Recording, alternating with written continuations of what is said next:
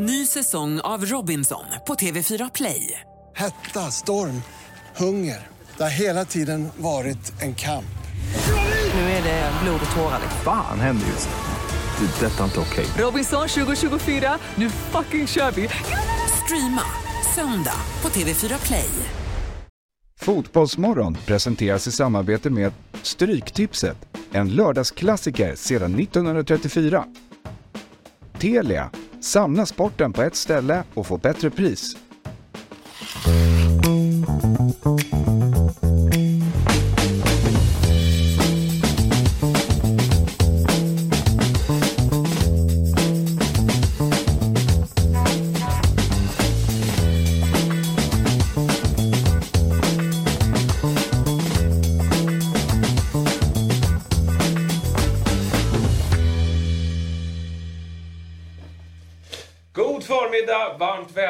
Till Fotbollsmorgon lördag. Axel Insulander som brukar... Jag har ingen mick. Vilken jäkla rivstart. Ni jobbar även mick lördagar. Sanslöst. Va? Vilken jävla vikarieaura jag har ändå. Alltså. Ja, så där väcker man ett program. Jag hoppas att ni hör det, för jag brukar bra tryck i stämman. Eh, får se om chatten är med på det i alla fall. Eh, ruskigt mickhaveri, men nu är vi med. Eh, varmt välkomna till Fotbollsmorgon lördag. Axel Islander är tillsammans med Fabian Jalkemo nere vid... Eh, de är i Rom, Rom, va? Rom. Ja, ska kolla fotboll, men inte i Rom tror jag. Utan de ska till Neapel och kolla in Napoli-Atalanta. Och då får ju jag äran att leda detta fantastiska underhållningsprogram slash fotbollsmagasin. Där vi ska summera veckan som varit, men givetvis också blicka fram emot eh, den helg som stundar. Och det är ju inte vilken helg som helst. Nu tar vi ju nästa steg i Svenska Kuppen och tar oss in till kvartsfinaler. Jag har som eh, vanligt på lördagar med mig en riktigt vass panel, men den är lite annorlunda idag då, eftersom Jalkemo och Axel är borta. Och sen fick vi ett sent återbud också. Fabian Ahlstrand är lite krasslig och eh, han ersätts på bästa sätt alldeles strax. Men först hälsar vi varmt välkommen till Samuel Lidsholm och Savi, Sabri Sovatski. Hur är läget? Eh, bara bra tack. Ja. Eh, Ingen sjukdom på mig. Vi har ju rispig röst här till vänster och Fabbe sjukdom men, eh, men eh, det ska vi nog lösa ändå. Ja. Sabri, du har lite problem med rösten och fått eh, eh, orden från vårdcentralen här att du inte ska prata så mycket. Nej, jag ska vara tyst. Ja, Så det välkommen. Blir, det blir lite svårt sa jag. Ja, exakt. Det är både halvgrek och halvkurd. Då, då pratar man extremt mycket. Och sen ska vi sitta här. Då älskar man ju att snacka. Så.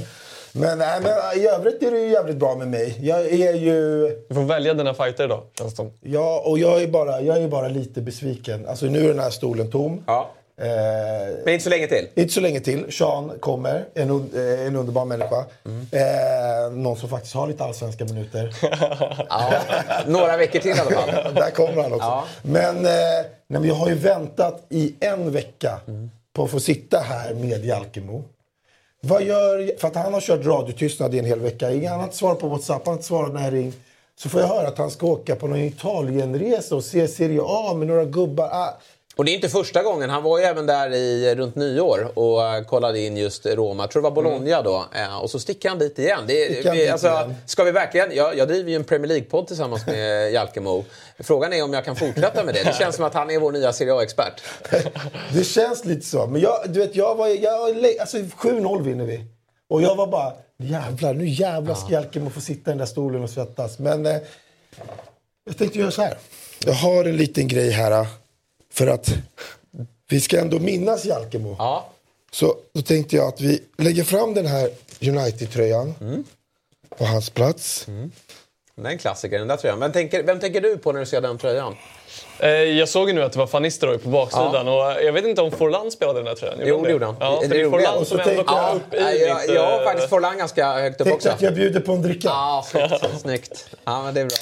Det är Skåla bra. med Jalkemo där. Få- Skål Jalkemo. Den där får ju eh, tappa lite bubblor och annat och så får han dricka den nästa vecka. Eh, Ja, Kvar här absolut. tills han Nej, det får stå kvar. Och så tänder vi ett litet ah, ljus. Snyggt, snyggt.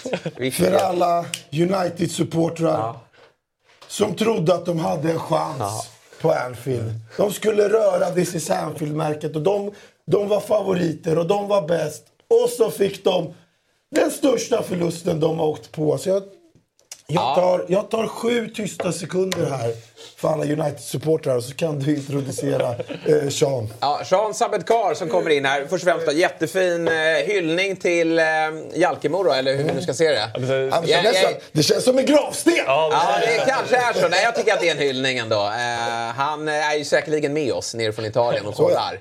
Så att vi får väl se hur han reagerar Skål, när, han, eh, när han tittar på det här. Och så säger vi då varmt välkommen till Sean Sabedkar. Tack så jättemycket. Vilken hjälte du är som i kort varsel hoppar in här. Och jag antar att det är för att du har en ledig helg också. Så är det. Ja. Och sen så är det ju Fabbets plats jag tar, jag tänker jag. Och det är, det är egentligen riktigt stora skor att fylla.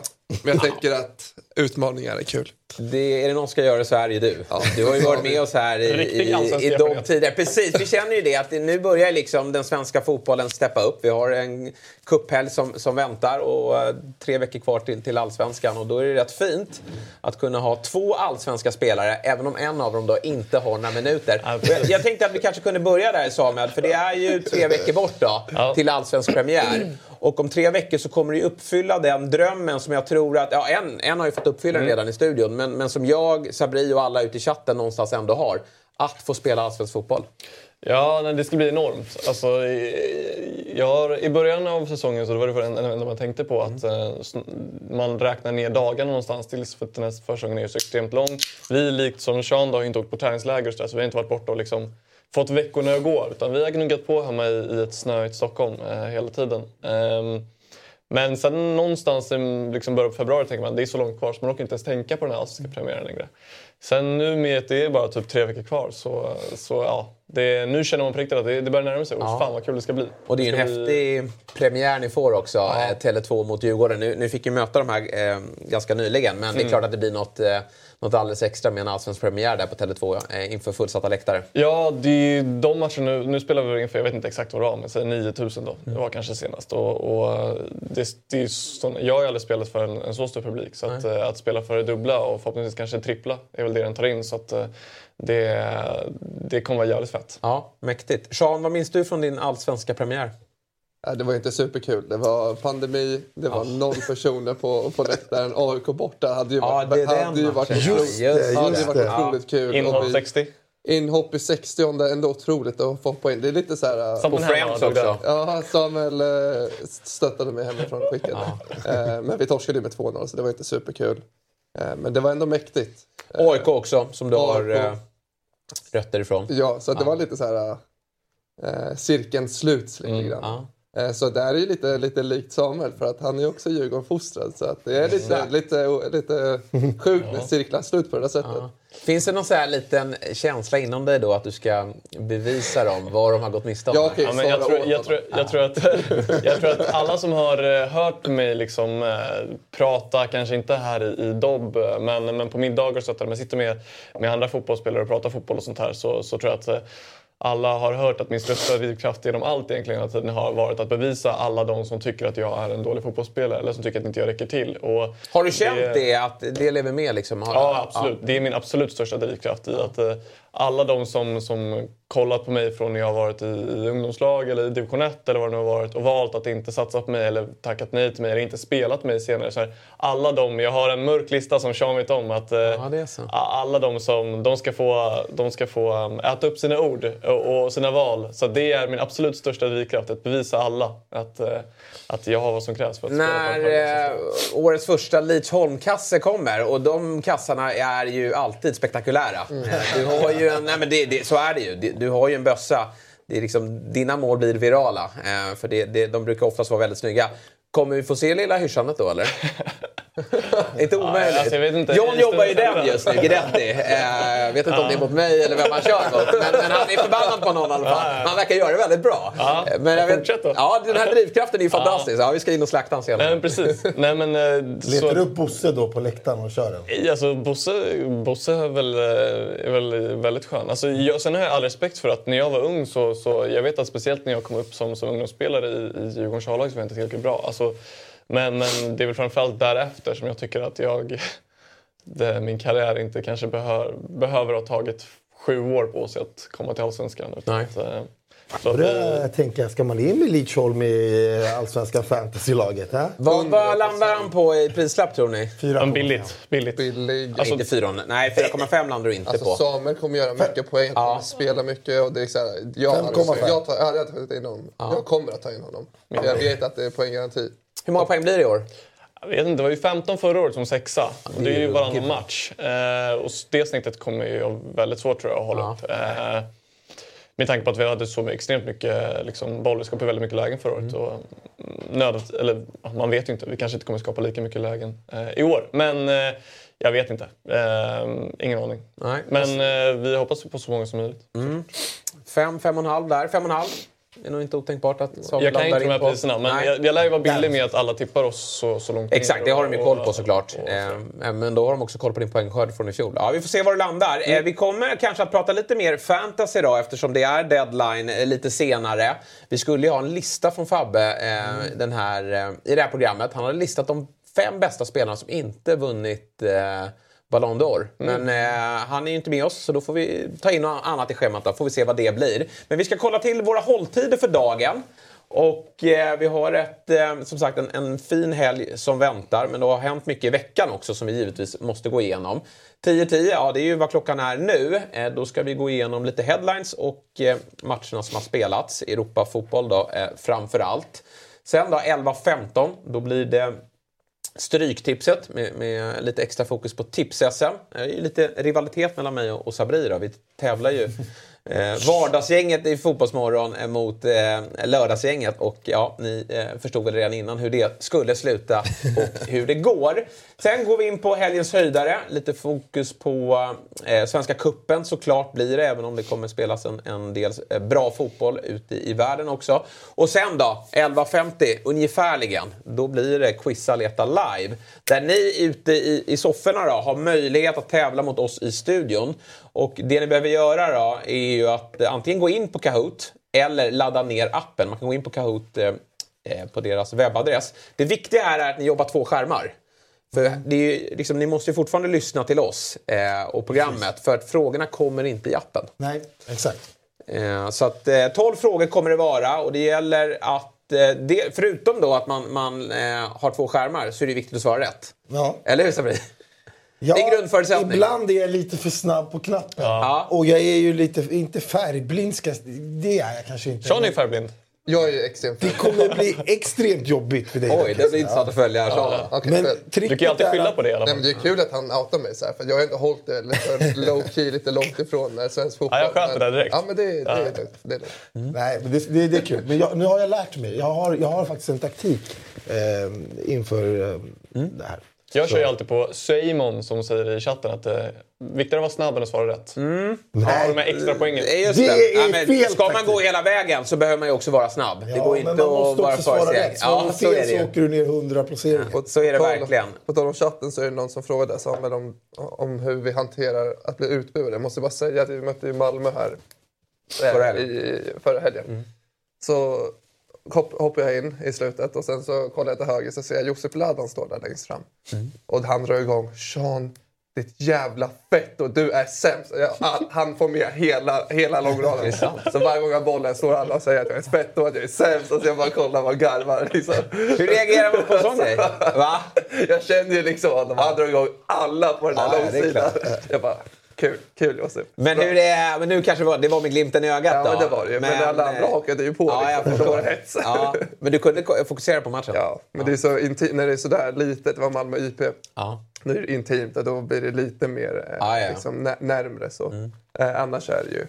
Hur surt var det att ryka där då i, i matchen mot Malmö FF? Även om man kanske inte eh, inför gruppspelet hade eh, förväntningar på att Degerfors skulle bli gruppetta. Men det här levde ju verkligen hela vägen in till 85 minuten. Ehm, Ja, ännu längre. alltså det gör ju, det, det gör ju att det blir liksom ännu värre. Eh, hade man eh, klivit ut och blivit 3-0 förlust då hade det varit så men Malmö gör det bra. Men vi ger dem ju en fight och att torska på det här sättet är aldrig roligt. Eh, det kändes som att vi hade kontroll men sen så Kiese Thelin, klass, klassaktion, gör Ja. 1-1 och så blir det tryck. Liksom. Vad kände du kring Malmö FF då? Det är ju ett nytt Malmö FF. Dels en del nya spelare, Mm. men framförallt då Henrik Rydström som har kommit in. Vad, eh, hur står de sig inför matchen mot Djurgården på söndag tycker du? Alltså, Det är svårt att säga liksom, baserat på försäsong och cupmatcher men man ser ju väldigt tydligt att de kontrollerar matchen alla Rydström på det sättet som han vill spela fotboll. Ehm, och sen så blev jag faktiskt, jag blev inte förvånad för jag vet att det är klassspelare. Men jag blev förvånad över att uh, Taha Ali och uh, Nanasi har fått den kemin på så kort tid som de ändå fått. De två liksom Ah, när det är på Fifa, liksom 100 kemi direkt. Så var det. Och jag tror att de kan göra mycket liksom skada mot allsvenska lag tillsammans. Eh, För att så som de roterade runt, det är svårt att försvara mot. Och då låg, låg ändå vi i ett 5-3-2. Det är liksom kompakt. Men de lyckades ändå öppna upp det. Eh, Och det säger mycket om de två. Och nu har de ju fått ytterligare en lekkamrat här också då, som skrev på igår. Jag tänkte vi skulle prata mer om det. Då. Stefano Vecchia är ju tillbaka i, i Allsvenskan och han gjorde det ju ganska så bra eh, sist han var här. Det är en klasspelare. Ja, det är en otroligt Alltså, det bra spelare. en- Jag såg eh, bara lite statistik sen på Twitter vad han hade gjort i Rosenborg. För han har varit väldigt mycket skadad. Mm. Ja. Men, men jag såg att det var typ så här 0,61 poäng per match han spelar. Då, då. Eh, och det är också ett väldigt starkt facit. Men, eh, och så kan man se lite, man håller ju inte koll på norska ligan och man ser ju inte den varje dag. Men så såg man lite av målen han har gjort där borta medan han var borta. Det är en jäkla avslutning. Var alltså. det Rydahl som hade Sirius? När han... Ja. Rydström ja, jajamän, det var det. Eh, så att han och Acke Björnström där ute till vänster var ju, var ju riktigt bra. Och Sugita var ju otroligt bra. Eh, så det var ju nästan Sirius eh, so- som bäst av med, med den eh, trion där. Men jag har också noterat det med, med eh, Vecchia att han har väldigt bra siffror. Alltså, han har så pass bra siffror att man blir förvånad att han vänder hem till Sverige faktiskt. Även om det, han kommer till, till Sveriges största klubb. Men det är väl just skadeproblemen Ja. som kanske ställer till det lite grann. Det måste väl vara det, för att eh, det är vissa spelare som imponerar lite extra. Jag kan tycka att de som har det här drivet som han har och skjuta i steget. Det är så svårt att veta när han ska skjuta och så skjuter han stenhårt i steget.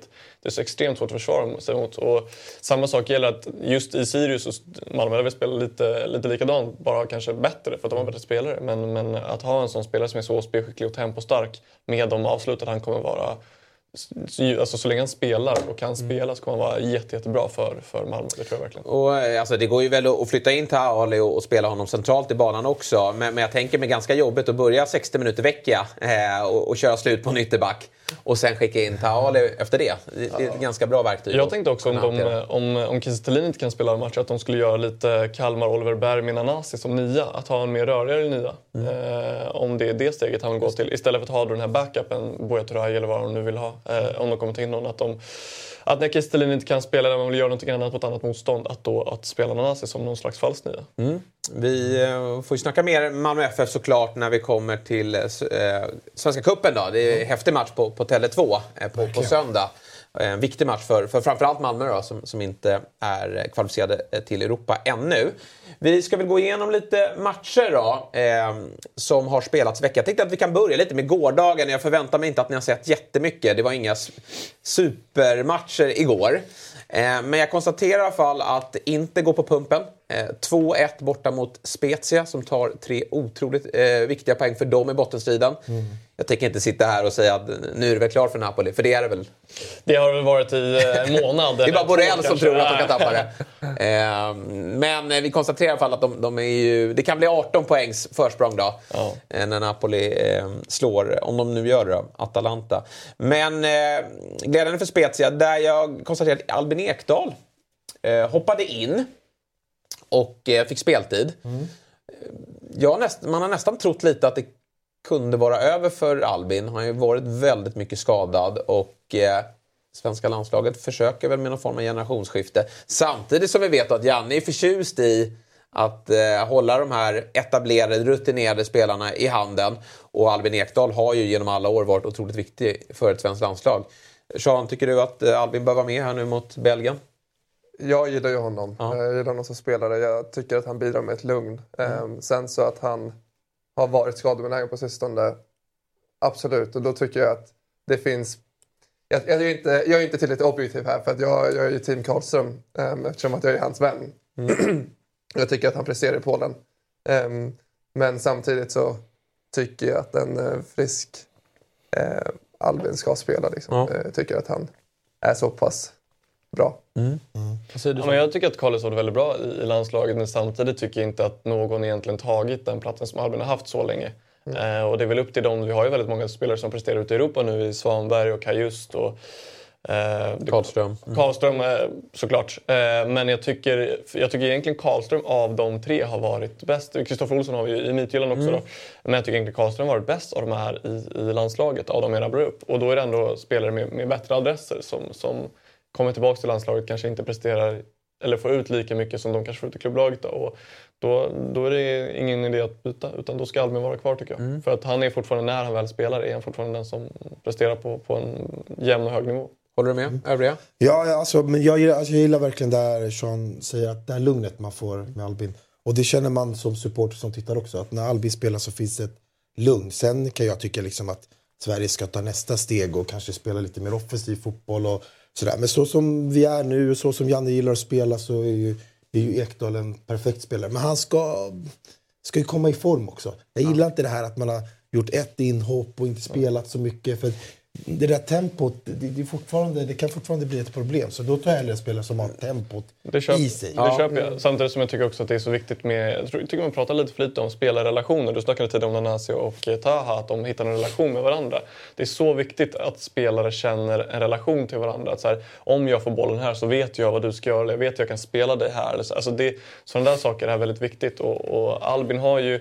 Jag är väldigt god vän med, med Victor Nilsson Lindelöf också. Det känns som att de har en bra kemi på, på planen. Ja. Och, och sen om man förlänger ledet med, med Forsberg och allt sånt där. Och det är ju våra viktigaste spelare i det här landslaget. Och kanske det är viktigt att ha dem som både kommer bra överens utanför men också på planen i, i sådana här viktiga matcher.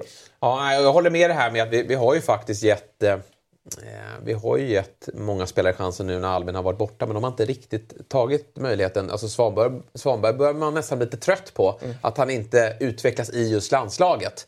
Att han vågar ta för sig i, i den rollen. För det är ju egentligen han som ska ha platsen bredvid då kanske Albin eller Kajust. Nu tycker jag dock att båda har ju spelat upp sig i, i eh, respektive klubblag och, och möjligt då att det, det är dags för dem att ta kliv. För vi ska ju också tänka på att vi, vi spelar ju för ett mästerskap nästa sommar. Och då vill man ju kanske att det laget vi, vi spelar nu, om vi når dit, ska vara eh, ja, det laget som kliver ut i, i fotbolls i Tyskland. Alltså just ha spelare som är i form, som du säger, är någonting jag tycker vi har varit lite dåliga på i landslaget. Att ha spelare som spelar kontinuerligt i sina klubblag gör ju per automatik att när de kliver in i landslagsmatcherna att de fortsätter i samma form. Men jag tycker generellt att man kanske valt att spela med spelare som... Men tror du inte lite så här i landslaget att det är så här när man får den här inom situationstecken chansen så har inte, vi har inte byggt upp i landslaget att det är så här det finns en plats för dig att ta utan det är så här känslan måste väl vara någonstans för Karlström att ah, han kan spela, göra en hur bra match som helst. Men när Albin är tillbaka, lite, äh, även om han är lite halvskadad, då är det ändå Albins plats. Det där måste, det där måste ändå vara lite jobbigt för vissa spelare i landslaget att känna så här Ja, Foppa har sin plats. Alltså alla, vissa spelare är ju så... de- Alltså de, de är betongfästa i liksom landslaget. Det går liksom inte att ta deras plats. Det kan jag tänka mig är lite jobbigt. Sen när det gäller det här landslaget så tycker jag liksom så här, vi får inte ut det bästa av våra spelare. Som liksom så här, tycker Kulusevski har en helt fel roll i landslaget till exempel. Så. Ja, nej, men det gäller att få ut max och, och bygga laget efter hur spelarna trivs. Och det är ju som du är inne på, Kulusevski kanske är bättre i, ute till Absolut höger inte kontra spela centralt. äh, längst fram. Nej. Men annars då? Jag tycker ändå att så här, Karlström fick ju chansen. Mm. Han, han eh, kastades in i, i matchen mot Tjeckien och sen var han från start mot Polen. Eh, Vi har ju även sett eh, Samuel Gustafsson. Nu var det visserligen träningsmatcher, men han är också med i den här... Eh, Han är någon som jag tycker är väldigt, väldigt bra. Ja. Alltså, jag hoppas att man kan spela på hans styrkor lite. För att eh, han, eh, han med brorsan där på Häckens mittfält det är, och Rydiger då, det är... Ja. Vi hade ju det med Janne Det, här. och det, ja, okej. Han Ja, men det, hyllade som... ja, men jag tror det är inte otänkbart. Alltså, jag tror att han är med i en trupp. Nej, det, för det är jag ganska övertygad om. om. Nu när man såg matchen eh, Djurgården och Lech Poznan sa de att ja, men här har man två polska landslagsspelare. Mm. Typ, eller vad de sa. Men jag tycker också att det är, det är bra när landslagen börjar plocka från egna ligan. Det behöver inte vara majoritet från egna ligan. Men, men plocka de bästa från egna ligan och, och, och låt dem vara med så att man någonstans bygger en status kring allsvenskan också. Att då om, om Samuel Gustafsson som har varit så överlägsen som han har varit, då tycker jag det är självklart att han ska med i ett landslag. Eh, sen om han spelar eller inte, då får ju de avgöra där. Men, för det är inte så att vi har 50, 60, 70 spelare ute i Europa som varje dag spelar vecka in och vecka ut på hög nivå. Utan ta de bästa ni ser i, i Allsvenskan också. En, två, tre spelare liksom. Ja, och jag tycker att han har ju perfekt attribut. Dels är han ju en stjärna i Allsvenskan. Alltså han kommer med väldigt mycket självförtroende. Han har visat att han har vunnit SM-guld Mm. och, varit en av Allsvenskans absolut bästa. Sen har han erfarenheten också Mm. eh, från Europa. Speciellt när han ställs inför, möter Belgien. Det, det är ju klart att det är en tuff motståndare. Men det är inte första gången han, han möter eh, eh, riktigt bra motstånd. Nej. Så han har ju verkligen eh, alla förutsättningar till att eh, kunna eh, spela landslagsfotboll. Chatten har varit nere, men jag tror att den är igång igen. Eh, Erik Söderlund tycker att du själv ska pu- pusha för dig. Ja, jag, om Janne ringer så är jag Du är redo? Ja, Du har, absolut. inte, du, har du möjlighet att spela för ett annat landslag? ja, det. Visst har du det? Ja, det det är Israel va? Ja. ja.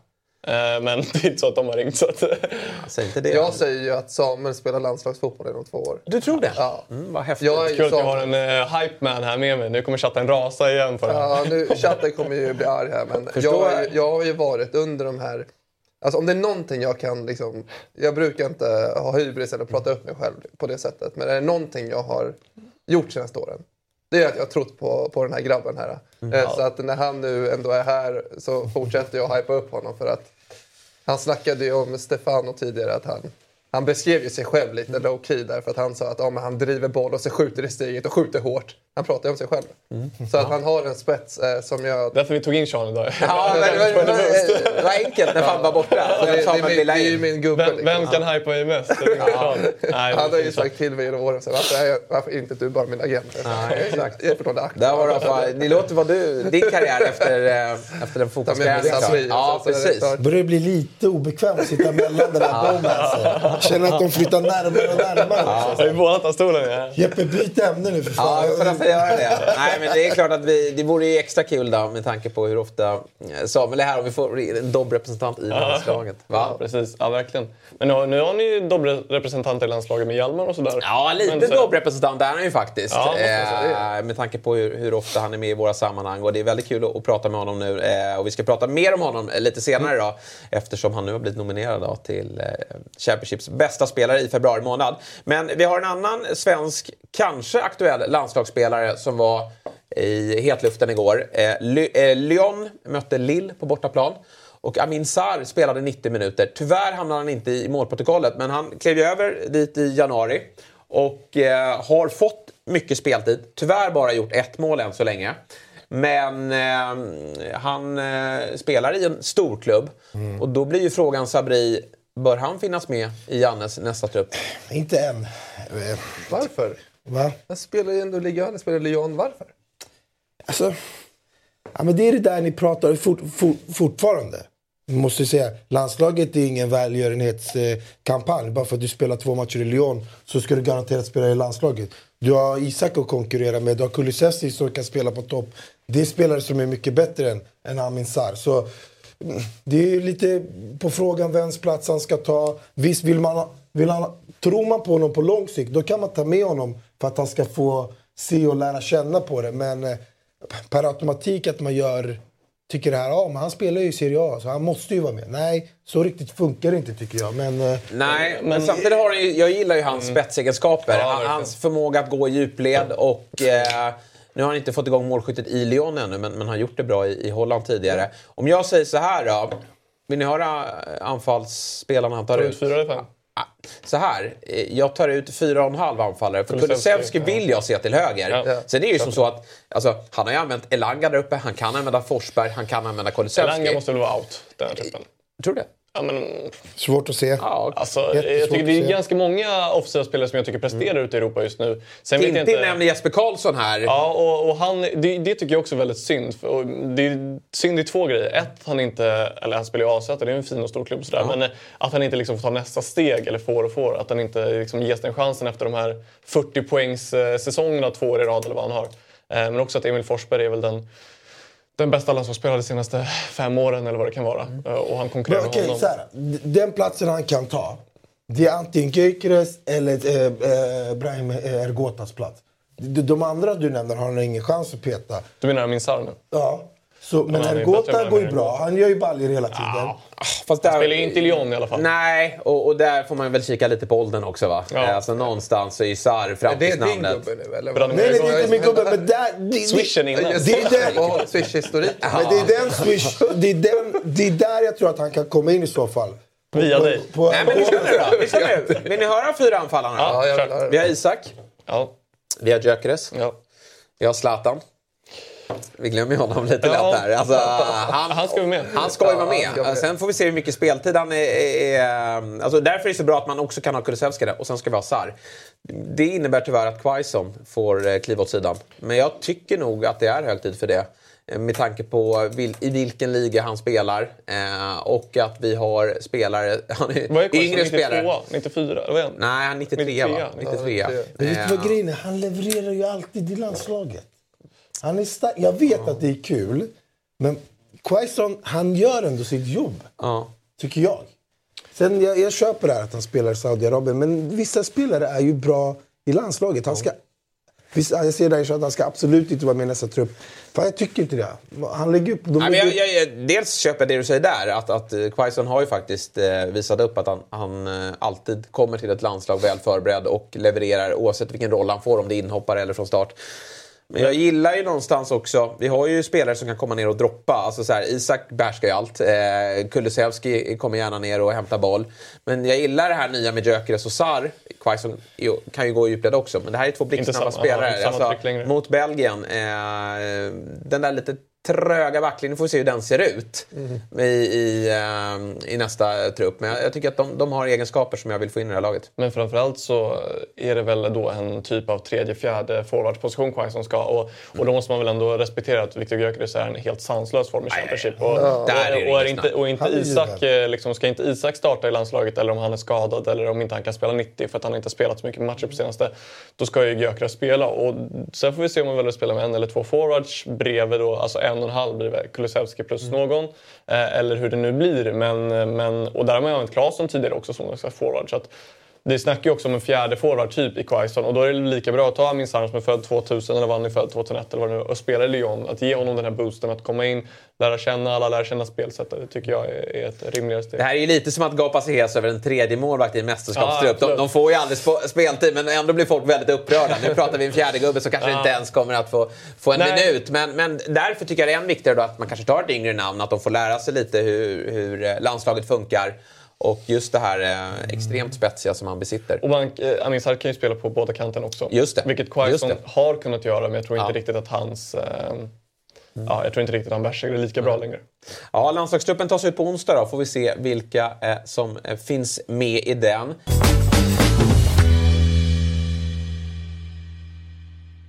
Ny säsong av Robinson på TV4 Play. Hetta, storm, hunger. Det har hela tiden varit en kamp. Nu är det blod och tårar. liksom. Fan händer just nu. Det. är Detta är inte okej. Robinson 2024, nu fucking kör vi! Streama söndag på TV4 Play. Ett poddtips från Podplay. I fallen jag aldrig glömmer djupdyker Hasse Aro i arbetet bakom några av Sveriges mest uppseendeväckande brottsutredningar. Går vi in med hemlig telefonavlyssning och, och då upplever vi att vi får en total förändring av hans beteende. Vad är det som händer nu? Vem är det som läcker? Och så säger han att jag är kriminell, jag har varit kriminell i hela mitt liv men att mörda ett barn, där går min gräns. Nya säsongen av Fallen jag aldrig glömmer på Podplay.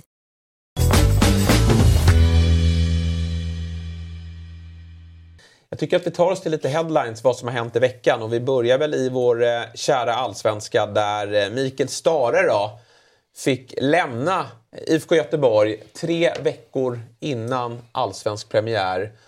Vad eh, har vi för reaktioner på det? Vad tycker du Sean om att Göteborg agerar innan allsvenskan? Ja, vad tycker jag egentligen? Eh, nej men, eh, alltså det är klart att han gick väl ut själv. Jag såg när han sa att här, jag är ju inte helt dum i huvudet liksom, av anledningen. Eh, sen så ska jag försöka se det objektivt. Eh, om jag bortser från klubb, eh, liksom supporterskap och hela den här saken så kan jag väl tycka att ta- tajmingen kanske inte är den bästa, tycker Nej. jag. För att nu har ju han satt i sitt inför en allsvensk premiär. Ehm, och med tre veckor kvar få sparken. Jag tror att det kan skapa en obalans eh, i en trupp, i ett sätt att se på hur man spelar fotboll. Ehm, och att försöka ändra det på tre veckor inför en premiär, det kan vara farligt. Men det kan också vara bra. Ja. Eh, det är lite som när vi gick riktigt tungt på våren så sa alla sparka våra tränare och vi valde att behålla dem. Det kunde ju gått åt andra hållet, nu löste vi det. Eh, med hjälp av lite eh, spelare in. Eh, och tillsammans så löste vi det. Men det kunde ju gått dåligt och då hade alla sagt ni gör ett fel beslut. Det är samma sak här. Man kan säga lite vad som helst, ja, men det är dåligt, det är inför en premiär. Men det kan ju också leda till någonting bra. Eh, så att jag tycker att de här hypotetiska diskussionerna eh, är ju väldigt svåra för det är så små marginaler som avgör om det faktiskt blir bra eller dåligt. Eh, men generellt det som jag känner just nu är att det är lite för tidigt in på en premiär. Ja. Och jag, jag lyssnade till BB-podd här, som ju haft ett Eh, litet samarbete med, med Micke eh, under tiden han har varit där som tränare genom att de har släppt en podd lite då och då. Eh, väldigt eh, eh, bra upplägg där man får lite insyn.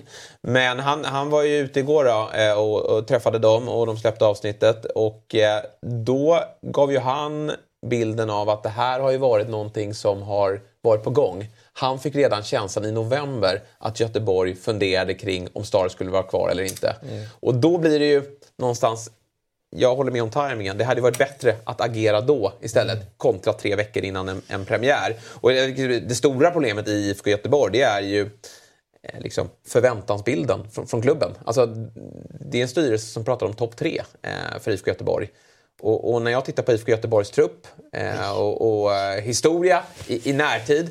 Det är ett lag som inte är i närheten eh, av att kunna vara där när vi summerar Allsvenskan 2023. Va, vad säger du Samuel? Nej, men jag tror att eh, det har väl pågått under en längre period här i IFK Göteborg att man har lite haft svårt men från egentligen högsta håll att besluta vilken riktning klubben ska vara i. Man valde, jag vet inte hur många år sedan det är nu, var det 2016, 2015 när man valde att gå på Poya och, och då skulle man eh, spela en annan typ av fotboll och man försökte få in lite mer yngre spelare och jag tycker man spelade väldigt fin fotboll i Göteborg då. Men, men resultaten var väl inte det de ville ha sen och, och gjorde sig av med Poya.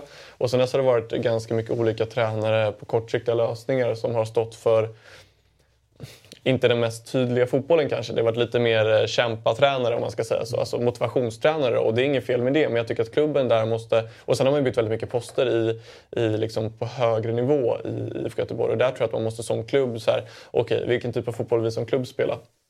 Vi vill spela den här typen av fotboll. Bra. Då vet vi det. Och då ska vi värva spelare för den här typen av fotboll. Vi ska värva en tränare som kan förmedla den här typen av fotboll bäst. Och där kan jag väl tycka att det blir... Eh, jag kan tycka att det finns ett litet gap mellan kanske vad, eh, vad man vill och, och vad man säger lite. Eh, Och det tror jag att otydligheten gör att man drabbas i det här fallet. Eh, Att det, det kommuniceras fel eller vad man ska säga. Eller så kanske man inte är riktigt tydlig i liksom de egna leden. Och, och därmed så, så går det kanske inte lika bra som det skulle kunna gå. Sabri, du skruvar ja, på det här. Men alltså, ja, fan, alltså, vad pysslar de med i IFK Göteborg? Alltså, det, de börjar tappa identiteten helt. Alltså, häcken har sprungit om dem. Fortsätter de så här, inom fem år har Gais sprungit om dem. Så är de liksom tredje klubben i, i, i Göteborg. Alltså, så här, tajmingen usel. Ja, jag håller med Sean. Är eh, Stare på något sätt någon framtidstränare för IFK Göteborg? Absolut inte. Men jag håller med dig. Agera tidigare. Håkan Mild, sätt en jävla plan nu för eh, hitta en tränare som ni tror på, ett spelsätt. Precis som eh, eh, Leachen är inne på, hitta en jävla identitet som ni, som ni vill köra på och, och liksom bli den där toppklubben igen. För att det, det, det här är... Det, det, det, det är pinsamt på något sätt. Alltså ändå för att vara en sån stor klubb som de är. Och så hängivna supportrar som de har. Alltså de här supportrarna som följer dem och har följt dem hela tiden. Det, de förtjänar mer än det här. Än att liksom de sparkar Poja och sen eh, kommer Rolle in som... Eh, och som bara så här, de bara tar in och sen tar de in Stare. Alltså, nej, de, de är på helt fel. Alltså, de är ute på hal is. Göteborg måste liksom... Och nu, nu förväntar man sig, när de gör det här, att de fan har en riktigt jävla bra plan. Eftersom de sparkar en tränare som har förberett truppen för en allsvensk premiär som är tre veckor bort. Och jag håller med dig, truppen tycker jag är... Alltså, den är absolut inte nära topp fem eh, plats i allsvenskan. Så du ska ju in en tränare som kanske också vill ha in en, två, tre spelare för att höja kvaliteten. Så ja, det, det, det är sorgligt. Alltså, som aik som vi är, då du Göteborg har gått från att vara en värsta rival till någon man inte knappt bryr sig om. Alltså, Och det är också tråkigt. Man vill ha den där rivaliteten riktigt. Jag tycker att Göteborg måste, de måste agera på rätt sätt nu. Det, det, börjar gå, det har gått för långt. Har vi något tränarnamn som vi kan bolla upp här? Det har ju varit lite rykten om, om danska Ja, jag såg två danska. supertränare Mm. eh, som har lyckats bra i den danska ligan. Eh, Men det känns ju verkligen som att det inte finns något tydligt namn som man har eh, Ja, det är i alla fall vad som rapporteras. Men, men det är, från Milds sida så ra- pratar man ju om att det här kommer ta tid. Vi, vi är inte säkra att vi har någon på plats till den allsvenska premiären. Mm. Och det visar ju någonstans på att... vilket Jag kan tycka är lite märkligt om det har funnits diskussioner redan i november. Då kanske man redan ska påbörja processen och ha en, en, en, en tydlig kandidat klar. Det kanske det är så och, det kanske tar tid. Men eh, Sen vet man inte heller- Det här är den nya duon i alla fall. Alexander Tengryd och William Lundin då. Två doldisar som har varit bakom då, Micke Stare. Och då får vi se. Deras roll blir ju intressant där. Fortsätter de på inslagen väg med det, det Stare har byggt upp här under försäsongen? Eller ändrar man helt? Det blir ju en Ja, lurig... Det var det jag tänkte komma till. Att man vet ju inte heller. Vissa assisterande de följer ju egentligen bara sin huvudtränare och försöker göra det så bra som möjligt. Medan vissa har ju helt andra idéer än vad eh, huvudtränaren har. Det ska bli spännande att se vad, eh, om de här har annorlunda idéer eller, eller om de, liksom, som du säger, fortsätter köra på, på det de gjort tidigare. Premiär Göteborg, du vet den här intervjun med Discovery så kör de så här. När vi kör så kör vi. Då Ja. vet man, det är kört. Det är Stare fotboll hela vägen. De, har, inte, de har inte förändrat någonting. 4-4-2. Eh, Långbollar på... De spelade en träningsmatch igår, Blåvitt. Jag såg det. Mariehamn öppet. Ja, Ja. Ganska ordinarie elva också. Ja. Sen Det är en försäsongsmatch. Det får man ju ta det för Men jag vet inte om det var någon som såg om, om eh, hur de spelade då. De kanske spelade 4-4-2 och, fortsatte liksom få, eller om de... Jag såg att Berg spelade, det var i alla fall positivt. För det, det handlar väl mycket om för IFK Göteborg att få honom frisk i alla fall. Eh, där har de ju en, en eh, klasspelare. Vi, vi lämnar IFK Göteborg och den svenska fotbollen och så kan vi väl gå igenom lite annat som har hänt i veckan. Vi måste väl ändå nämna snacket efter slakten på Anfield då. Eh, där ju eh, Liverpool vann då med 7-0. Och det som har, ja, det, är, ju- det är ju såklart många rubriker därefter. Men en stor rubrik var ju det här med eh, Weghorst. Mm. Som ju la handen på This is Anfield-skylten. Vilket man ju absolut inte får göra som motståndarspelare. Nej, det- hur, det- eh, hur ser ni på den här fadäsen? Alltså det är ju såklart eh, väldigt eh, respektlöst. Men på något sätt så är det så jävla skönt att det bet honom i arslet. Eh, att det var liksom så här... eh, Alltså gudarna bara, det här gör man inte. Vissa grejer gör man bara inte. Sen kom han ju med någon sån här ursäkt att han ville störa van Dijk och lite, du vet. Det känns ju lite- som en ruggig efterhandskonstruktion. Ja, men någon lite sådär, vad fan han ska jag säga nu? Han, han fick Han fick panik. panik, drog in polarna och sa så här, backa mig om jag, säger det här. Van Dijk bara, Och "Vad ska jag jobbigt säga?" läge för, läge för Weghorst för han har ju blivit lite av en publikfavorit trots att han inte har varit så jätteimponerande i spelet. Alltså, han har ju bidragit i någon form av funktion, fyller han ju i det här United. Men ingen... Han gjorde du? ju mål mot Real Betis till slut. Han du? gjorde ju mål mot Real Betis. Ja, jag- jag- men jag men såg när man det. ser honom så kan man tro att han är allergisk mot att göra mål ibland. Ja, ja, men, och, men nu är han ju inte, han, han spelar ju inte spets utan han har ju varit någon form av droppande 10-8 nästan. spelar för mycket. Och framförallt- Martial är ju jo, men framförallt trasig, ja. så, så, så, så han är ju en väldigt stor lagspelare måste man ändå säga. Han Ja. tar ju jobbet. Han är liksom tjur, eller tjurar inte utan han kör. Och, det så här, och han öppnar, verkar ju som öppnar väldigt mycket ut för Rashford. Alltså Yes. Rashford får ju väldigt stora ytor att röra sig på. Och Weghorst är ju tokigt lojal till att liksom bara göra klubben bättre. Jag tror det är därför Erik Ten Hag spelar honom så mycket också.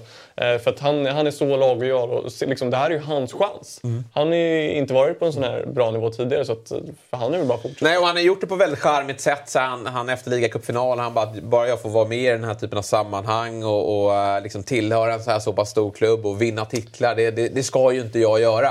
Och det där är ju någonting man, man tar Ja, till är sig. Eh, men så går han och gör det här då. Och sen var är det väl, men samtidigt så här, om, det här, om man inte får göra det här, det är väl rätt skön psykning ändå?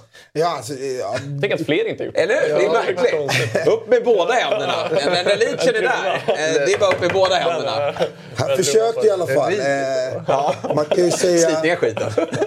Vet, frågan är om, om det nu stämmer det här, då tänker man så här. Då kanske han har tänkt på det på Anfield. Då ska jag ställa mig bredvid van Dijk, du vet, i ledet. Jag ska försöka störa honom, han ska röra. Du vet, att han hade, något, han hade byggt upp det här mindgamet som han skulle köra. Så fick han 7-0 i baken. Eh, och jag vet inte ens om han hade fyra bolltouch på hela matchen. Så det var, det var ett dåligt psyk, psych-game. Eller så kanske det var han som liksom tände till de här... eh, Nej, jag, tror det här är alldeles för egentligen stort spel. Alltså, jag tror inte de bryr sig så mycket. Men det var kul om man drog en Jo. sticker på den. Eller Ja, ja verkligen. Det blev ingen bra effekt av det i alla fall. Nej, det kan man säga. Det blev inte så lyckosamt. Men eh, det har ju också varit snack om här som, som eh, de, Rocky här meddelar i chatten att Vote är ju Liverpool-fan sen, sen Det är det som är det, är det, som är lite Det är där man ville toucha den! Ja. Nu kom det, däremot, den förklaringen hade han inte kunnat komma med. Då hade det varit nej, kontrakt alltså. Men är det, eh, jag har ju också läst det där att han har Jag varit vet inte men om det stämmer. Det måste man ju kunna bekräfta på något sätt eller? Ja, det finns säkert bilder på det som Alltså, han inte Sean, ska komma ut. Han, Så här, det bor ju en liten Liverpool-supporter i nästan alla. Va? Det gör det ju. Nej, ja, ja, verkligen Någon gång i livet har jag älskat nej, Liverpool. nej, nej, det kan jag verkligen vara, det kan jag vara tydlig med. Eh, säga. Jag. Eh, supertydlig. Jag fick en liten förkärlek till Wengers Arsenal med Fredrik Nej, men Ljungberg. Men den släppte jag ganska snabbt. Så att det, jag, är, jag är helt ren i Premier League. Men Liverpool har vi aldrig haft nära. Sen tycker jag ju att Klopps Liverpool när de är som bäst, att det är ett Det är väldigt fantastiskt kul att kolla på. kul lag att kolla på. Och då kan man ju inför en, alltså när man sätter sig ner och kollar på dem, eh, så i, den, i olika matcher hålla på dem såklart. Men, eh, men en rolig grej, jag såg den här matchen på Retro Nytorget eh, och så bakom mig i ett bås, jag satt i sådana här bås och satt eh, fyra grabbar. Och ena grabben där var ju stor United-supporter men också jättestor bajare. Så han hade United-matchen på där och så Bayern-matchen gick på sidan. Och du vet, det, det var så jävla kul att lyssna på honom för att han var så här. Ja, vad fan Bruno! Bra! Så gör Bayern mål du vet. Och så bara ja! Och du vet, jag trodde han skulle få ett stroke där ett tag. vet, När Liverpool är 1-0, Bayern gör 6-0. Liverpool är 2-0, Bayern gör 7-0. Jag tänkte- såhär, nu får vi vänta hjärt och lungräddare där. För grabben kommer ju han kommer ju åka på hjärtattack. Han visste inte vart han skulle. Det var så två olika världar på honom liksom. Bayern vinner med 8-0. Tänk att fortfarande fira vid 8-0 och 7-0. Liksom. Det hade ju slutat fira. Så, ja, kul Så mål när, liksom. när det stod 6-0 så frågade jag så här, fan mår du? Han bara, jag har varit på Retro två gånger sett United. 7-0, 5-0 har vi torskat. Ska aldrig mer komma hit. Nej, det är, det är dags att byta den trenden då. Eh, han nämner här Twente är hans klubb, men det är hans holländska klubb. Det är klart att han har ett eh, Premier League-lag också. Förmodligen Liverpool. Men eh, ja, vi får se vad som händer med Weghorst. Han följde upp det med ett mål, så att, eh, han har ju studsat vidare. Och det känns som att han är omtyckt nu igen av av supportrarna. De, de köpte den där förklaringen. Överdrev sitt firande rejält. Ja, det gjorde han ju. Det gjorde Alltså, han. Ja. vad händer? Nej, det var, det var lite väl, tycker jag. Det där kan vara ett problem. 4-1 i minut var det 89 eller någonting. Det har ju spelat, eh, spelats europeisk fotboll i veckan. Champions Leagues, eh, och- eh, Champions Leagues åttondelsfinaler eh, har kommit eh, halvvägs. Eh, det kan ju konstateras då att PSG på nytt inte kommer längre än till en åttondelsfinal. Och jag måste säga, på förhand hade jag stora förväntningar på den här matchen. Men jag blev ganska ordentligt besviken. Delar ni den uppfattningen? Ja, men framförallt så... Det man blir besviken på är ju då PSG och deras, och deras vad säger man, ovilja att göra någonting bra den här matchen. Eh, Jag tycker att när Mbappé kommer in i första mötet och, och visar tendenser så tänkte man så här, sätter de bara bollen bakom här på Mbappé då kommer han själv skapa 3, 4, 5 lägen. Och på det kan han ju lätt göra 2-3 mål. Eh, Men det var ju som att både han och, och framförallt Messi då insåg ganska tidigt att det, resten av laget, det, det här är inget lag. Utan vi kör vårt, när vi får bollen då försöker vi göra någonting, sen så skiter vi i allt annat. Och bara för att jämföra då den här matchen med matchen dagen innan då med Chelsea-Dortmund tycker jag i alla fall att den tekniska kvaliteten på den här matchen var väldigt, väldigt bra. Alltså, Mm. Det var ju väldigt många fina aktioner av många spelare i passningar och mottag så här, medan matchen då, som vi kommer komma in på sen, är ju det var ju bara boltat i Chelsea Dortmund. Men eh, imponerad av Bayern München tycker jag. Tycker Ja, det att, måste jag säga. Jag tycker att någonstans så måste de här storspelarna som inte är då 35 plus som Ramos och, och, och Messi sluta gå till, eh, till PSG. För att det kan inte vara sportsligt motiverande att spela där. Men så här, jag, alltså jag, jag, jag, jag känner lite, du ser ju här på startelvan också med, med eh, PSG. Det, det är så här, vem är, vem är ansvarig för de här värvningarna? För att liksom så här, de, alltså backlinjen, nu spelar Pereira där, men de sitter med Ramos, Marquinhos, Kimpembe. Klass mittbackar. Hakimi, en av världens bästa högerbackar.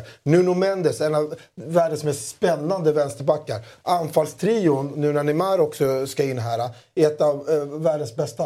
Men liksom, när de tar in spelare som Danilo Pereira, eh, Fabian Ruiz, när man hör liksom att ja, Partey fanns ju, Kanté fanns ju, Casemiro. Det, det fanns ju riktiga gubbar som man verkligen kan ta in som skulle verkligen eh, lyfta det här laget. Hur, hur får man för sig att plocka Fabio Ruiz? Alltså jag, jag förstår inte, för det, är- det är mittfältet som är dåligt. Alltså, Backlinjen är super. Donnarumma, det är en av världens bästa målvakter. Så jag, Han tycker jag är överskattat. Nej, fy fan vad dåligt. Jag tycker- jag tycker också att Han är inte överskattad. Det går För att inte, han gjorde en absolut. förra matchen. Nej, men det går inte, det går inte att tio bättre målvakter. Absolut. Eller? Jo, jo, Absolut. jo, det är inga problem. Det kan, den listan kan jag dra Jag gärna nästa vecka. Vi kan, ja, inte, kan lägga Donnarumma Jo, i jo, den överskattade skålen. Du kan ju inte lägga alltså- honom i den övre hyllan heller. Det är klart du kan. Alltså det är ren och skär fotbollspolitik att Keylor Navas inte står i det här PSG.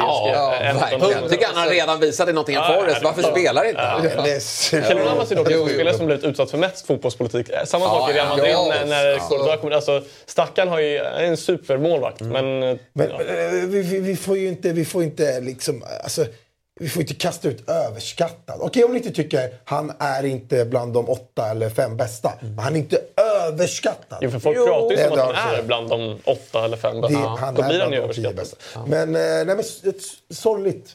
Ja, det är ju det någonstans att det här inte Messi är ju lyckas. slut. Eh, Han kommer inte fortsätta. Nej, Messi är slut. Vet jag inte om vi, vi Men han eh, kommer vill inte bli bättre. Men nej, det är klart han inte kommer bli. Eh, Neymar men, kom, är ju som han är. Vad ska Mbappé göra? Och, och så de men här vi ser ju vad Messi kan åstadkomma Ja, men- med en omgivning. Ett lag som är anpassat efter honom. När Det såg han vi i är Argentina. motiverad också. Ja, är Alltså, motiverad.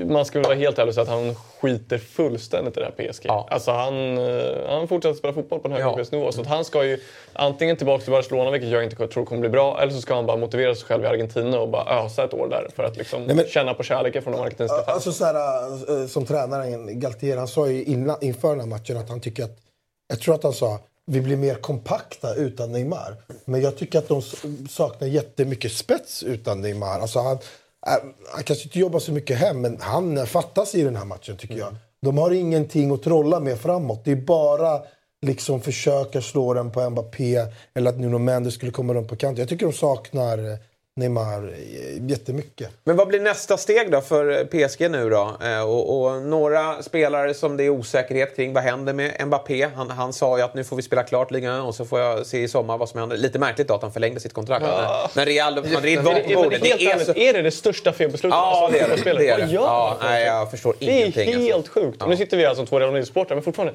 Alltså, låt det vara vilken annan klubb som helst. Att förlänga med PSG. Alltså, det, de måste ha hårhake på hans familj eller någonting. Ja, alltså, det är vet. helt sjukt. Men vad har du att säga om eh, Chupodowski då? Fan, det, alltså. Tänkte man när Lewandowski drog, då tänkte man ju ändå lite att... Fan, eh, hur ska de, hur ska de klara sig utan Lewandowski? Men det här, det här bevisar, vilket dels lite hur underskattad den här spelaren kanske ändå är. Men också vilke, alltså vilken, vilken maskin de är. Det spelar nästan ingen roll vilken nia de ställer ut där. Alltså Lewandowski gjorde absolut mycket.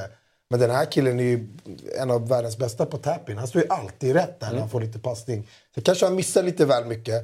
Men eh, han gör ju mål.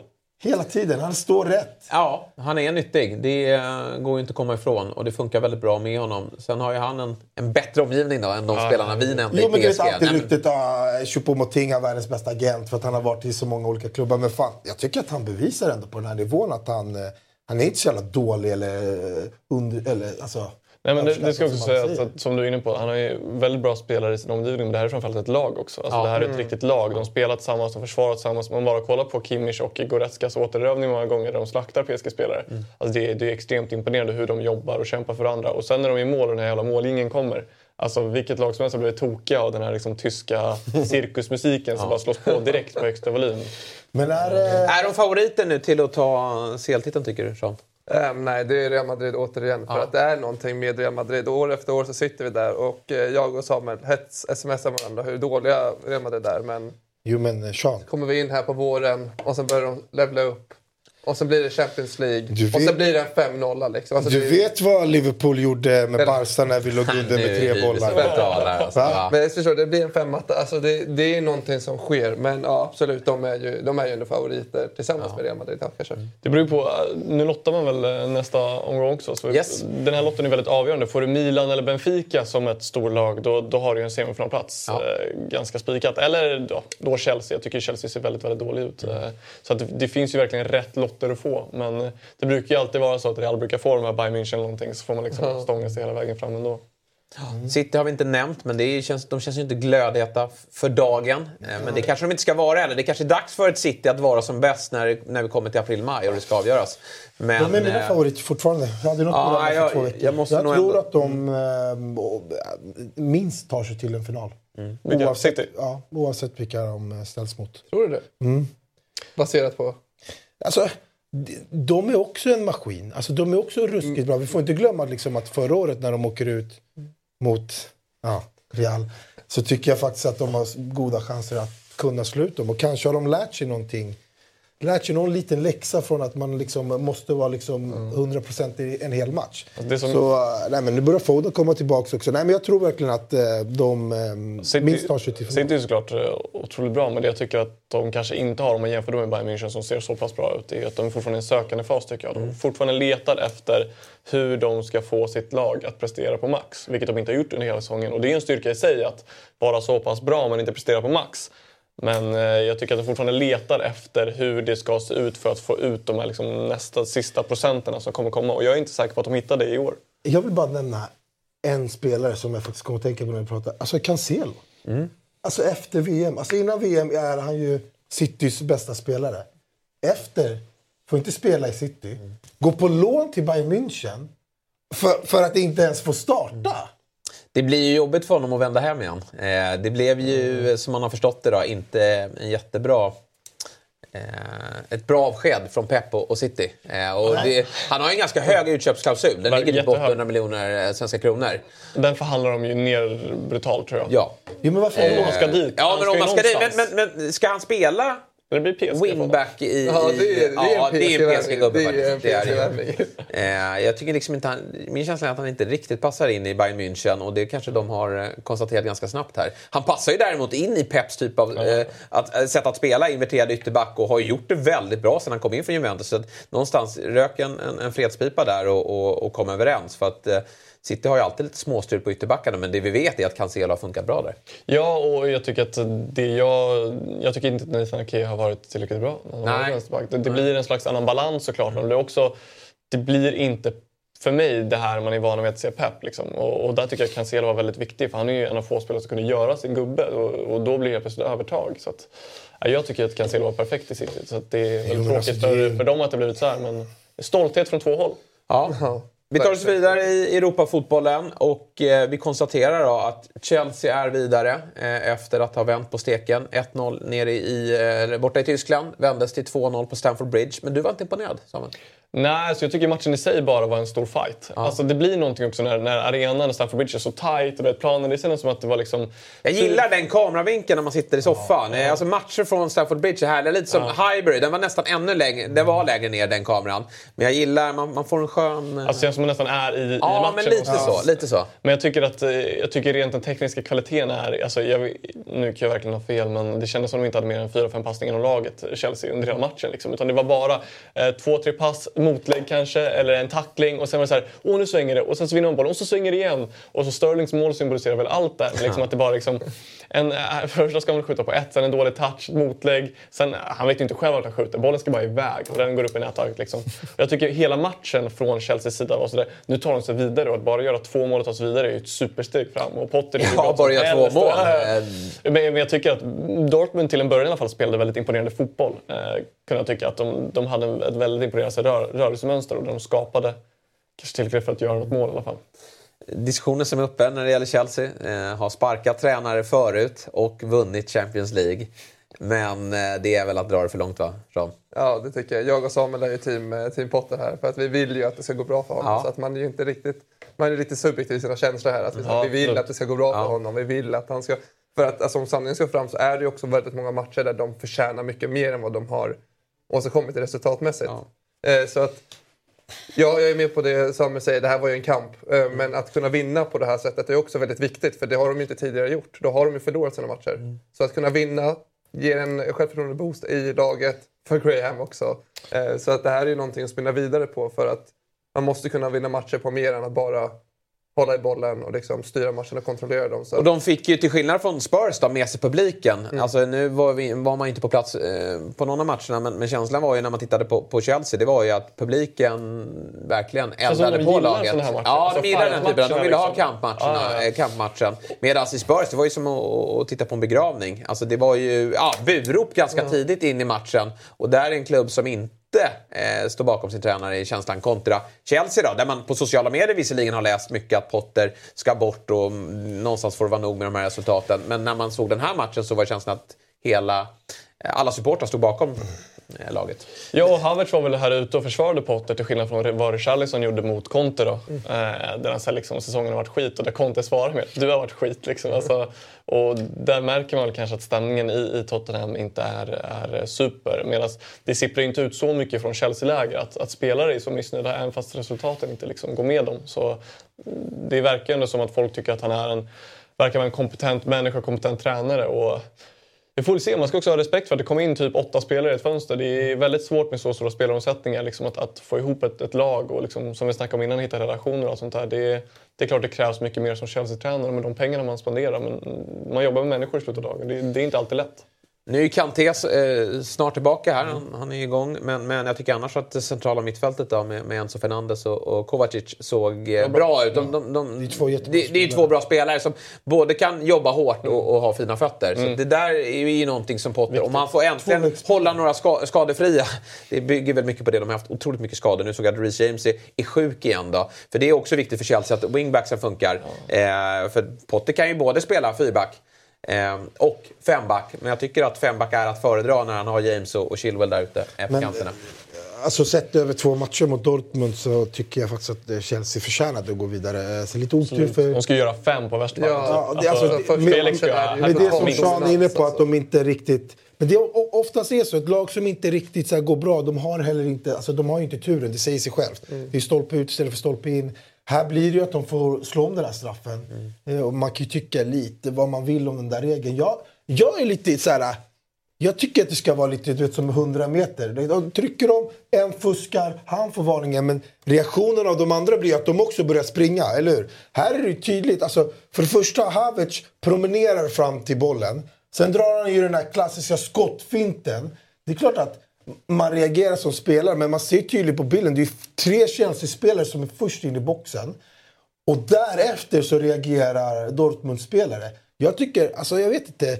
Någon kastade upp en sån här regel om att ah, då ska den gå om och bla bla. Men känslan är här att det är, det är Chelsea som tjuvar först. Han gör en skottfint, vilket är svårt att, att inte reagera på. Sen kommer Dortmund spela. Jag tycker inte att den här straffen ska gå om. Alltså, jag ska. Alltså, regelboken säger ju att den ska, ska gå om. om. Jag vet, Och är det mål men är det det, skitsamma. då får vi ändra Ja. det. Men det är ju intressant om, det, om bollen hade... Där har vi ju herr Kviborg då. Eh, som ju vet, ofta jag- kliver fram när det är eh, diskussioner på Twitter. Och så meddelar han från sin division 7-karriär eh, vad som är rätt eller fel. Och här har, Jag tycker han gör det bra. Här gör han det väldigt bra. För att han tar ju ett utdrag från regelboken här. Och Sabri, du kan inte säga något annat än att domaren gör rätt här. Men däremot hade det varit intressant om den där bollen går i mål. Hade han eh, fått... Eh, då ska den slås om också. Ska ni göra det? Ja, det, det ska den ju. Men Men, men det hade han nog inte gjort. Nej, och det är det som är lite störigt. För att jag tycker lite som dig, man ser väldigt tydligt, det Ja. ska tas om. Men ju- blir det mål och han får ta om det, då kommer jag istället bli, bli riktigt irriterad. För det förstör fotbollen, det förstör rytmen i matchen, det förstör liksom känslan av att kolla på fotboll. Så att frågan är hur mycket ska man verkligen... Ska man vara väldigt så paragrafryttare på allt möjligt inom fattar, fotbollen? men jag- då blir det ingen rytm. Jag tänker bara, alltså du själv som är försvarare, eh, försvarande lag här. När motståndaren rycker in i straffområdet, alltså hur lätt är det att inte rycka med och ta det där lilla, lilla steget in? Ja, men det, det här handlar inte om att någon tar en liten, liten Jo. tå innanför linjen. Utan Han hade de, inte ens slagit bollen, många Chelsea inne. spelaren var ju fan bredvid honom. Ja, ja, vi såg att Bellingham också var ute och swingade, men han ville inte ha mer böter så han sa inte för mycket i intervjun. Men... Bellingham sa framförallt att eh, de hade massvis med tid bara att göra mål. Att liksom, det är inte det här som ska avgöra utan de skulle borde gjort mål innan. Eh, Så att jag tycker att han... Lite synd att eh, Julian Brandt gick sönder direkt. Reina som kommer in har inte samma kvalitet. Men, mm, men får vi se hur långt eh, Chelsea tar sig. ja, ett lag vidare, ett annat åkte ur. Tottenham eh, stod för en eh, likblek insats eh, hemma mot Milan. Sorgligt. Ja, det var, det var eh, sorgligt. Och, och diskussionerna därefter har ju handlat mycket om eh, Rikardisson här då, som ju eh, allt mer verkar vara en, eller han är hittills en väldigt svag värvning från Spurs. För det här är ju en, en stor värvning. Jag vet inte om Spurs har gjort särskilt många större värvningar än Rikardisson från Everton där man spenderade väldigt mycket pengar. Och, eh, men, men det känns ju som att man inte riktigt haft någon, någon plan för honom. Och efter matchen så är det ju en eh, tydligt irriterad Rikardisson som eh, skickar en ganska rejäl passning till Conte här. Där han eh, ifrågasätter då, han tycker att han har varit bra här mot slutet. Han spelade eh, två bra matcher mot... Eh, eh, nej, att han var bra här senast mot, mot West Ham och, och även mot, mot Chelsea tidigare i, i 2-0-segern. Men helt plötsligt blir han bänkad då, för Son som har fått vara den som har spelat mest eh, utav de här två. Ehm, och Conte då, han svarade upp igår och eh, skickar en syrlig passning tillbaka. Att, ja, Rikardisson har varit skit i år och han ska inte spela mer. Så här, alltså, det är aldrig rätt av en spelare att gå ut och svinga mot sin tränare, så här, tycker jag. Men man, om man ska se det lite från Richarlisons perspe- perspektiv, visst det kan vara lite re- felrekrytering från Spurs, men det är ändå en brasse. Vi vet vilket självförtroende och vilken hybris de har. Han gjorde det bra under VM med dem. Han har gjort det bra i Premier League. Men killen sitter ju där på bänken och ser Son och känner att han kan ge Son ett tredje ben, två ögon i nacken. Killen är ju usel. Så varför får jag inte chansen? Nej. Men han har inte tagit, Conte menar på att han har fått chansen men inte tagit den. Men, har han fått det då? Han han ska starta en sån här match egentligen. Med tanke på hur dålig Ja. Son ändå har varit. Okej, han har fått chansen. Hur många chanser har Son fått då, om vi vänder på det? Har match gjort det efter match efter match efter match. Han levererar Som han inte ett skit. Han levererar när han kommer in, han hoppar in i matcher. Ja, då gör han ja, det gör han. Va? Vadå? Nej, jag tänkte bara säga att eh, Son vann ju skytteligan för alltså, du, du bygger ju upp ett slags förtroendekapital hos en tränare och hos en klubb också. Och, och med det sagt så, så har han Son såklart betydligt större förtroendekapital än vad Richarlison har. För Richarlison kom in till den här säsongen, har ju då inte presterat på hela säsongen medan Son har ju många bra säsonger i Tottenham eh, sen innan. Så det är därför Men han får det här. liksom. Han har ändå en attityd, Richarlison, Ja. som är liksom, han vill verkligen vinna. Han kan gå in. Det som verkligen fattades i den här matchen, det var energilöst, idélöst, inget hjärta. Jag tyckte att det, Spurs såg liksom ut som en lunkmatch mot Bournemouth. När, de, när de ska vända en åttondelsfinal mot Milan. Bara stod jättelågt och det var, fanns ingen energi, ingenting. Det kommer ju ändå det här halvt psykfallet in med. Så jag tycker, det är konstigt. Jag får höra i chatten, eller någon skriver här, snacka om att tolka det hela fel. Det tycker jag absolut inte att vi gör. Alltså, Conte är ju väldigt syrlig tillbaka här. Han, han, så här, han kritiserar inte mig, syftar han till. Det gör han ju visst det. Han kritiserar ju Conte för att han inte får spela. Och eh, han har inte kritiserat vår säsong utan hans egna säsong. Det gör han inte Nej, jag heller. tycker Så jag tycker verkligen att det finns någonting i det här. Eh, att det, det är en problematisk bara, situation. Men han försöker lugna ner det. Ja, och här- och här gör han tycker- det då? kan ju tänka att han blir slaktad där i- internt nu. Ja, Han har inte ja, ja. spelat med Vem startar i helgen? det är Forrest hemma. Det är klart att det blir sån va? Frågan är om han Son skadad. truppen. Skip i form. Ja.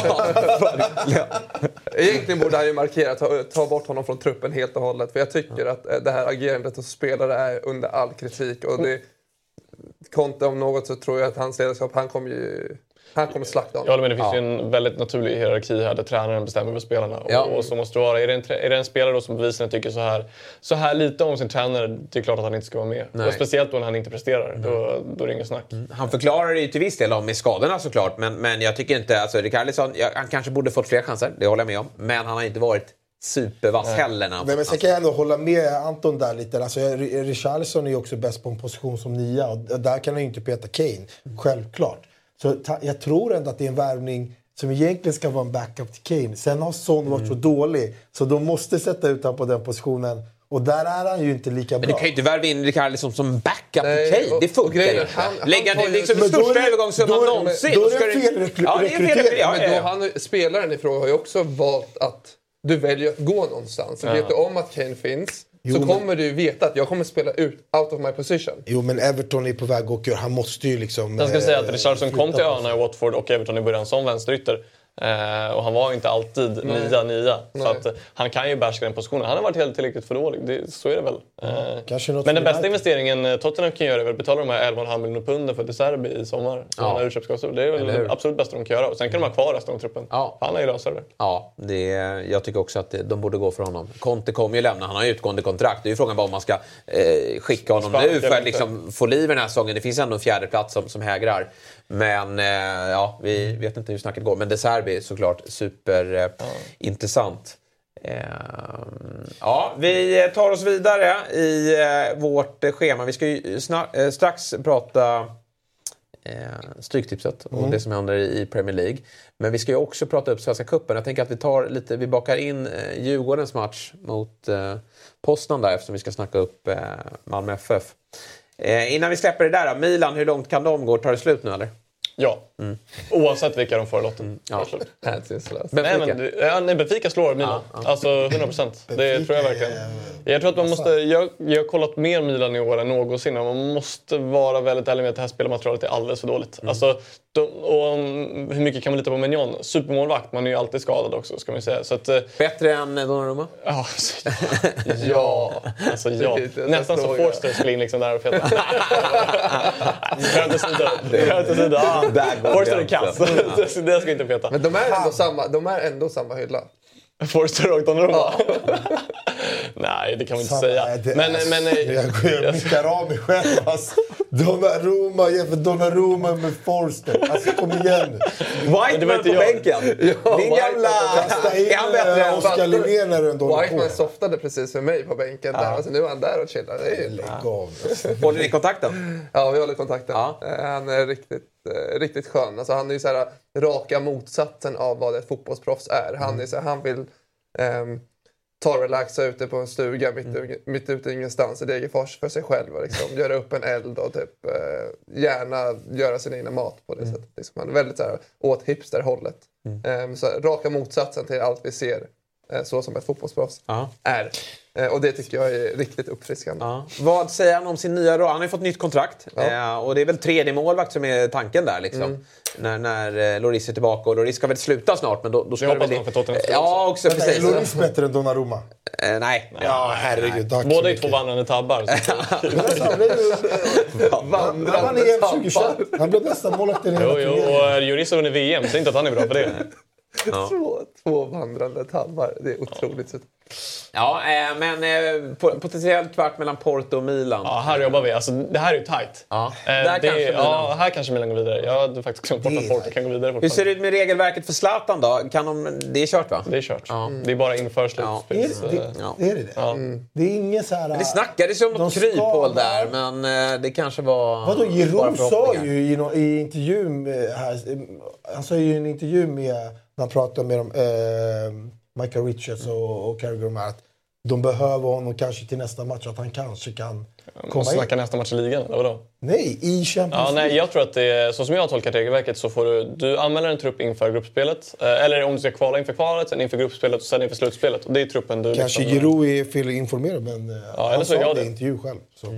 We, we need him. Det är väl tre lag, vi får ju se vilka som går vidare då, men det är väl tre lag som sticker ut. Det är ju Benfica, nu går ju inte Porto vidare men, men inte då. Eh, ni skulle kunna få ett Milano där med. Ja, det är i och för sig varit mäktigt. Där kan ju Milan också gå Ja, vidare. Inte det, ja. Nej, jag kanske får revidera då att Milan inte går vidare. Eller att Milan kan gå vidare mot, mot Porto eller, eller Inter. Men mot de andra lagen så...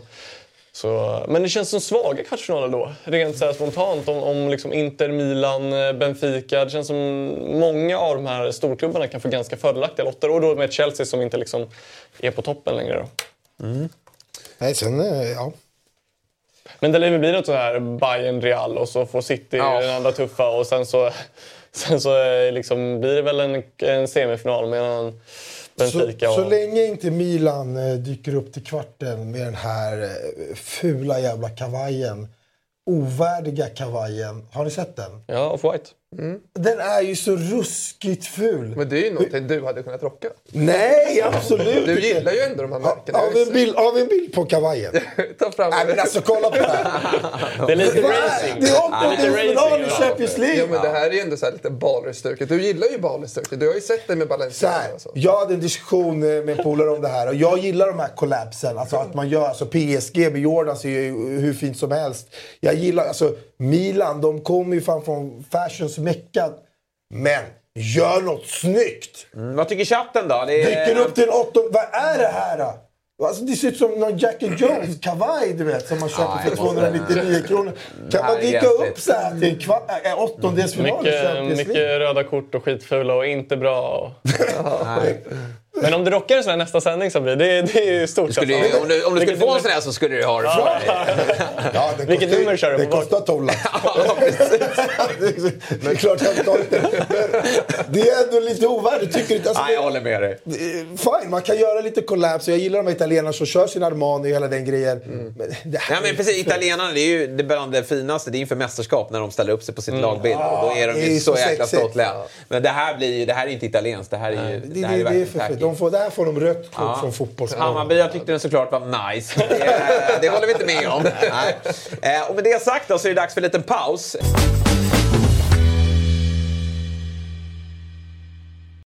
Ny säsong av Robinson på TV4 Play. Hetta, storm, hunger. Det har hela tiden varit en kamp. Nu är det blod och tårar. Fan händer just nu. Det. Detta är inte okej. Robinson 2024, nu fucking kör vi! Streama söndag på TV4 Play. Ett poddtips från Podplay. I podden Något Kaiko garanterar östgötarna Brutti och jag, Davva, dig en stor dos skratt. Där följer jag pladask för köttätandet igen. Man är lite som en jävla vampyr. Man har fått lite blodsmak och då måste man ha mer. Udda spaningar, fängslande anekdoter och en och annan arg rant.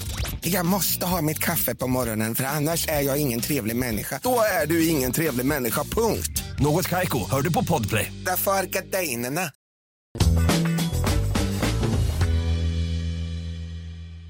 tillbaka. Jag var nära att glöm, missa den här igen, ja. micken. Men eh, nu är den på. Eh, vikarien eh, har gjort rätt för sig och eh, Sabri har inte lämnat studion trots att han var ute och cyklade med Donnarumma. I pausen har vi snackat upp 20 målvakter som är bättre än Donnarumma. Okej, Donnarumas karriär då. Vi släcker. Ja, vi släcker. Jalkemo, eh, vi tänker på dig. Nu är det dags att eh, prata upp eh, Svenska Spels fantastiska produkt Stryktipset. Vi eh, går ju vidare här i tips-SM, eh, men innan vi gör det så ska vi såklart kika lite på vad som hände förra veckan. Grattis till alla er som eh, ryggade Myggan. 13 rätt. 72 000 kronor, eh, eller 80 eller vad det var. Någonstans där. Eh, delade, eh, 72 000 var det. Eh, delades ut eh, till alla som eh, var med på det andelsspelet. Och det var ju häftigt när han, han satt ju på 1-2 i den sista matchen, vilket var Southampton-Leicester. Och eh, det löstes ju faktiskt. Eh, trots en straffmiss från eh, Southampton. Så var det. Viktiga FPL-poäng in där på Ward som han satte i kassan inför den matchen. Så smutsigt. ja. Hade du honom från start? Ja. Jag tänkte Pope möter City så tänkte jag att vi får lita på Ward-gubben. Ja. Axel fick ju in dem från bänken. Han hade det är. Sanchez. Det är smutsigt. Det är Ja, det är ju ruskigt smutsigt. Du hade ändå en idé att han skulle Ja. vara med där. Eh, Men eh, ja, det är eh, hemskt. Mm. Vi eh, kollar väl till tips-SM också. Jag tror att vi har lite grafik på det också. Här har vi ju hur det går för gubbarna i eh, tips-SM. Och eh, förra veckan så ja, men, ligger man runt 10 rätt och nosar tycker man väl att man gör det bra. Jag tror att jag hade 9 rätt också. Eh, och eh, jag vet inte om vi ska ta upp det. Vill du det att vi tar upp duellen mellan eh, vardagsgänget och helggänget? Yes. Tror, vi kan skippa, vi har inte så mycket tid faktiskt. Eh, Nej. vi släpper det. Vi, vi, vi blickar inte tillbaka utan vi blickar, Vi blickar egentligen framåt. framåt. då. Och eh, snackar såklart upp Premier League-matcherna. Jag tror att min kupong ska vara med här också eh, inför helgen. Det är ju eh, fem Premier League-matcher och där lägger vi störst fokus idag.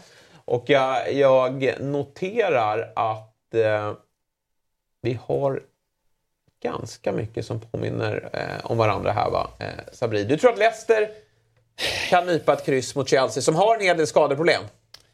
Ja, Fortsatt. ja alltså, jag vet inte. Alltså, egentligen inte, men jag hade en halvgardering kvar. Jag är ganska nöjd med min eh, eh, Middlesbrough, West Bromwich, Coventry. Eh, där jag har spikat lite mer i Championship. Men eh, eh, varför inte? Alltså, visst, Chelsea har ju gått bra här på slutet och, och eh, vunnit eh, två matcher i rad. Ja, Men lyckas göra mål. eh, ett litet kryss kan alltid hitta sig in här. jag. Vet du vart du skulle det krysset? Vart? Match fyra. Mm.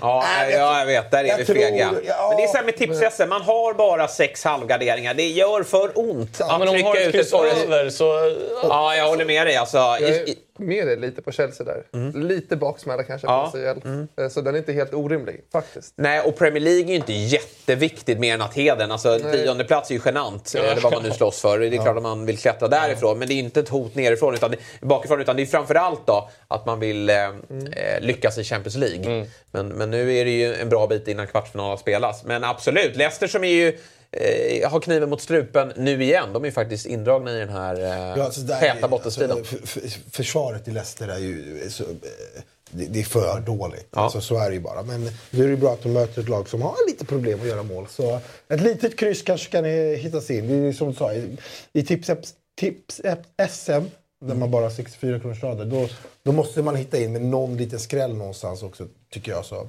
22 procent på Leicester. Ja, Den tar vi. är fin. Eh, vi ser att du och jag är överens kring Brentford borta mot Everton. Jag tycker att alltså Everton har ju visat att sen Sean Dyche kom in att de är ju ett bättre lag på hemmaplan på Goodison. Eh, Där kan han spela sin destruktiva fotboll och få med sig publiken. Och, och, Stå i t-shirt och... Ja, men lite så. Fotbollsdojorna på nästan. Eh, Men eh, jag tycker ändå att Brentford är ett så pass bra lag. Jag, jag har dem i den eh, kategorin faktiskt. Ett, ett bra fotbollslag. Att de ska lösa det här. Ja. men alltså det, det är det som är annorlunda med Evertons kämpa fotboll och Brentford kämpa fotboll. Att Brentford har en idé Ja. om hur de ska göra det här. De är liksom, med allt med deras statistik och detaljer på fasta och allt vad det är. Liksom, de har en verkligen tydlig idé på hur vi ska skapa målchanser. Everton är ju på riktigt ut bara pumpa upp de här till max, stoppa in liksom 10 liter energidryck i omklädningsrummet. Ja. Liksom, bara upp med adrenalinet, sen bara ut och köra. Liksom.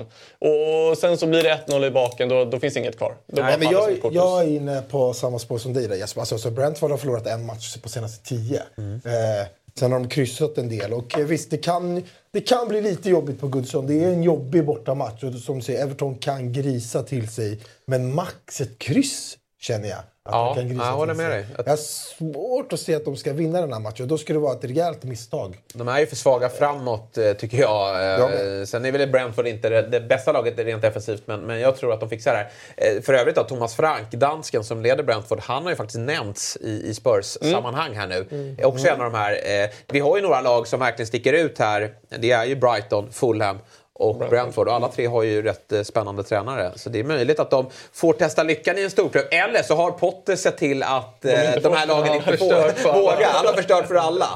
Eh, Vi får se vilken väg de tar. Eh, Men jag hade gärna sett att Spurs går på den andra vägen, Thomas Frank. Jag tycker han verkar superkompetent. Den uppe i Brentford det är jättehäftigt. Men nu har de gått på liksom Pochettino, Mourinho och eh, Conte. Väldigt liknande tränare i, liksom, i, i form av spelet. Det har inte riktigt lyft.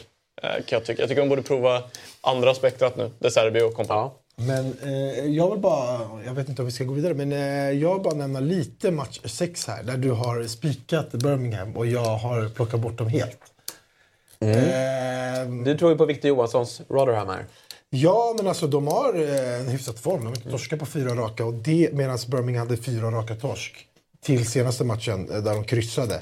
Eh, tycker när man går upp mot, när man är en sån här, när man går upp mot 55, 56, 57 procent som ett hemmalag som har torskat fyra matcher och ett kryss.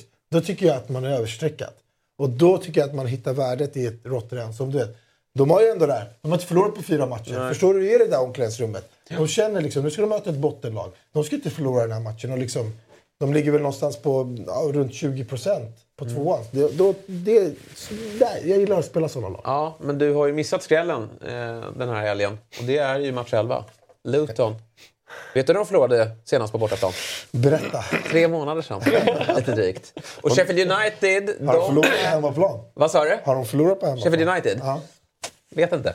Men det tror jag. Eh, Vi stannade där. Ja, vi stannar där. Jag vill hitta värdet i kryss 2 här. Och Luton, alltså Sheffield United tvåa i, i ligan. Och det är ju fortfarande, alltså de är inte, Burnley är ju klara, men det är inte Sheffield United. De, de är ju faktiskt, eh, det finns möjlighet att de sumpar där. Men Luton eh, är ju, kommer ju greja en playoffplats. Och jag tycker att när Sheffield... Eh, Gå in och kolla. Passerar- Tre matcher, tre matcher torskade de hemma mot Middlesbrough. ja, du ser. Så de kan du ser. hemma. Men hur högt kryssat är Sheffield nu då? Eh, ja, men runt samma procent som, eh, eh, som Birmingham är. Ja, upp mot 60 va? ja. Mm. Det är för mycket. Ja, Här har vi det, den. det. Där går du och myggan bort er. Eh, tyvärr då, den här helgen. Är det någon jag ska följa av dig och Myggan är det väl ändå Ah, Myggan? kanske är så. Det kanske är så. Han är får se. bäst i ert lag. Men nu har han haft sina 13 rätt, så nu är det dags för mig att, att briljera. Eh, vi eh, får se hur det går helt enkelt. Eh, det är ju som så att Stryktipset är en produkt från eh, Svenska Spel, Sport och Casino AB. Åldersgräns 18 år och har ni problem med spelande så finns stödlinjen.se till hands. In och lägg en 64-raders eh, och så får ni se om ni eh, slår oss på fingrarna. Nu släpper vi den engelska fotbollen för nu. Vi kanske återkommer till eh, någon match som spelas i helgen. Men jag tycker väl ändå att vi ska ha ett visst fokus på Svenska Kuppen som ju eh, verkligen eh, har en intressant, eh, intressanta kvartsfinaler framför sig. Eh, Sean, eh, vad eh, säger du om de här mötena eh, som eh, väntar? Alltså jag ser ju väldigt mycket fram emot det. Eh, först och främst. Eh, det finns några riktigt fina matcher. Alltså jag tycker generellt som exakt alla säger att det här cupformatet har blivit så, så mycket mer intressant och att vi får såna här matcher några veckor innan en allsvensk premiär. Eh, det är ju verkligen Nej, men Stare är ju verkligen, att han får lämna är ju verkligen beviset på vad kuppen har blivit. Mm, att, hur viktigt det är. Eh, och, och det är också, jag, i Fotbollsmorgon igår pratade vi med Stefan Andreasson. Elfsborg var inte med i gruppspelet. Jättejobbigt för dem, då får ju den här långa, eh, trötta försäsongen. Värnamo likadant. Eh, och, och nu är det ju ni som du straffas ju med att spela mot Vasalund ikväll. Eh, när inte ni gick vidare. 18-15 va?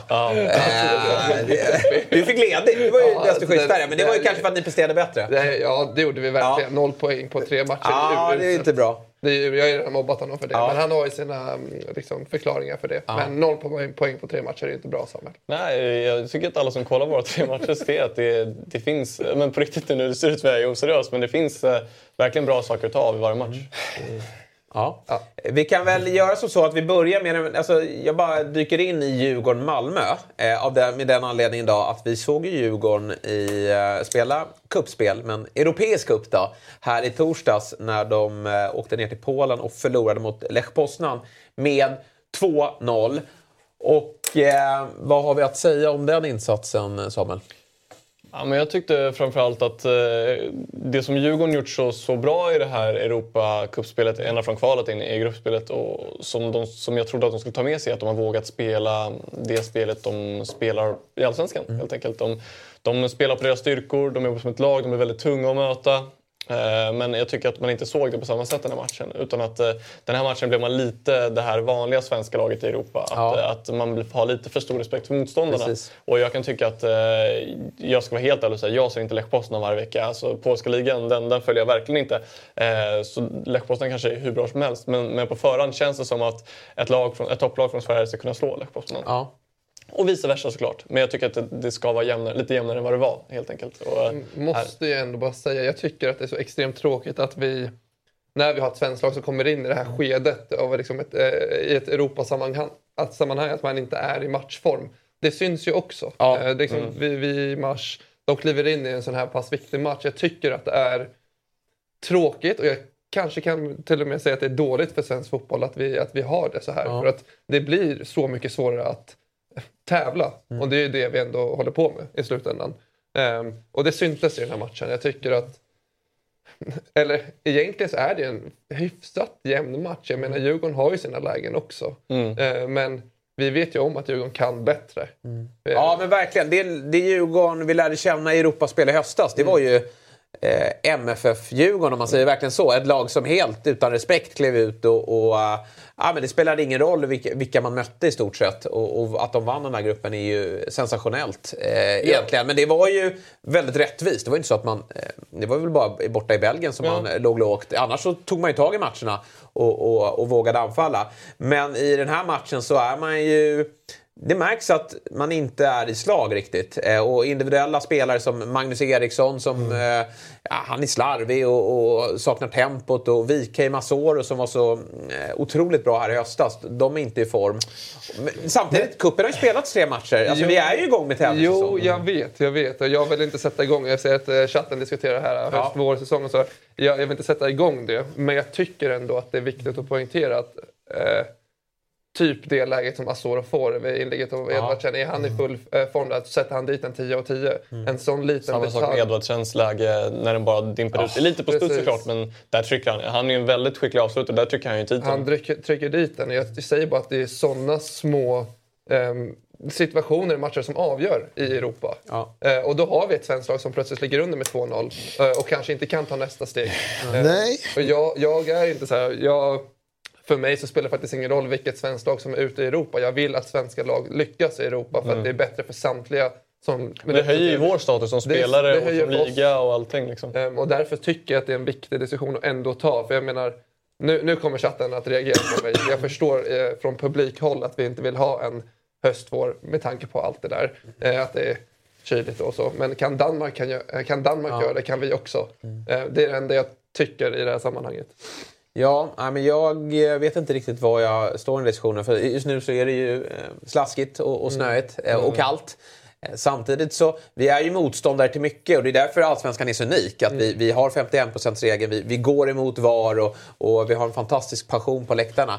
Men vi måste ju också hänga med. Så, vi kan inte ta alla strider kanske. Utan vi, vi måste, och nu när vi får, förut var det bara MFF men även Östersund lyckades. Och nu ser vi Djurgården att de får spela Europaspel andra sidan, eh, alltså eh, på det nya året. Och, och då för att ge de bästa förutsättningarna till, till eh, den typen av lag så kanske vi måste anpassa oss. Men det, det är ju en, en, stor, en större diskussion som vi kanske inte ska ta här och nu. Men vi konstaterar i alla fall att matchen lever ju. För vi vet ju vad Djurgården kan åstadkomma på Tele2. Det, var- det, det var det jag ville flika in. Alltså, trots att jag tycker att Djurgården ändå gör en svag eh, insats sett emot hur de eh, har sett ut i den här turneringen. Så lever det i allra högsta. Vi kommer få se en helt, ett helt annat Djurgården. En helt annan typ av match. Du pratar Wikheim, Asoro. Ja, men på det där plastgräset när det går snabbt. Då kommer oavsett... Går det snabbt då fortfarande? Eh, ja, Du som var där men det går inte lika snabbt. Nej, alltså, Det, trycker du till bollen så, så går den. Men, Men den, de kommer den stannar upp lite mer. extra. i- Det- det- De kommer slänga på lite Men, mer. men det jag tycker framförallt att Djurgården har gjort bra under det här Europakvalet är att de har, de har gjort väldigt bra på bortaplan. Man kan ju säga så här, men de kommer hem till plast, att ingen kan spela på plast. så här, Men de har ju varit väldigt bra borta i alla matcher. Och de bör väl ha vunnit alla utom Shamrock då, som jag tycker de borde ha vunnit. Men ja, det var ju deras första Europacup-match. Men eh, det är väl det jag tycker blir så här, fan. Här borta på, i, Poznan. Sen- jag tycker de borde kunnat eh, prestera bättre med tanke på det de har gjort tidigare. måste vi... Han har gått ut och bett om ursäkt själv, Edvardsen. Men vi kan inte sitta här och inte kasta en känga Nej. på det mest korkade jävla beslut jag har sett. Romero, han tar, ett, han tar ett andra gult kort i en åttondel och tar rött kort. Men han var åtminstone på planen mot Milan. Edvardsen tar ett gult kort från bänken och blir avstängd i den här eh, returen. Det, det, alltså förlåt, men det är ju det är så korkat. Alltså är det, och, och att ursäkten är att han inte vet. Men fan, det måste man ju diskutera innan en match som tränare. Edvardsen, du är en liten het spelare.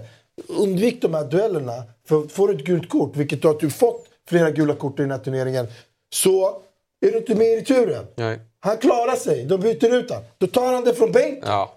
Alltså, jag hade gett honom fem månader utan lön. Fem månader! Det ska kosta, vadå? Det kan kosta... Edvardsen kommer till Bosse. Du, jag har ingenstans att bo. Jag har inga pengar. Det gör vi. Tillbaka till Örebro och där. Nej men det, man kan inte hålla på så. Vad säger du om din gamla lagkamrat Sean? Alltså det, det var inte hans starkaste Nej. ögonblick och det vet han om. Eh, Det, det som ändå är uppfriskande, han går ju ut och säger att han i princip är liksom, ja men dum.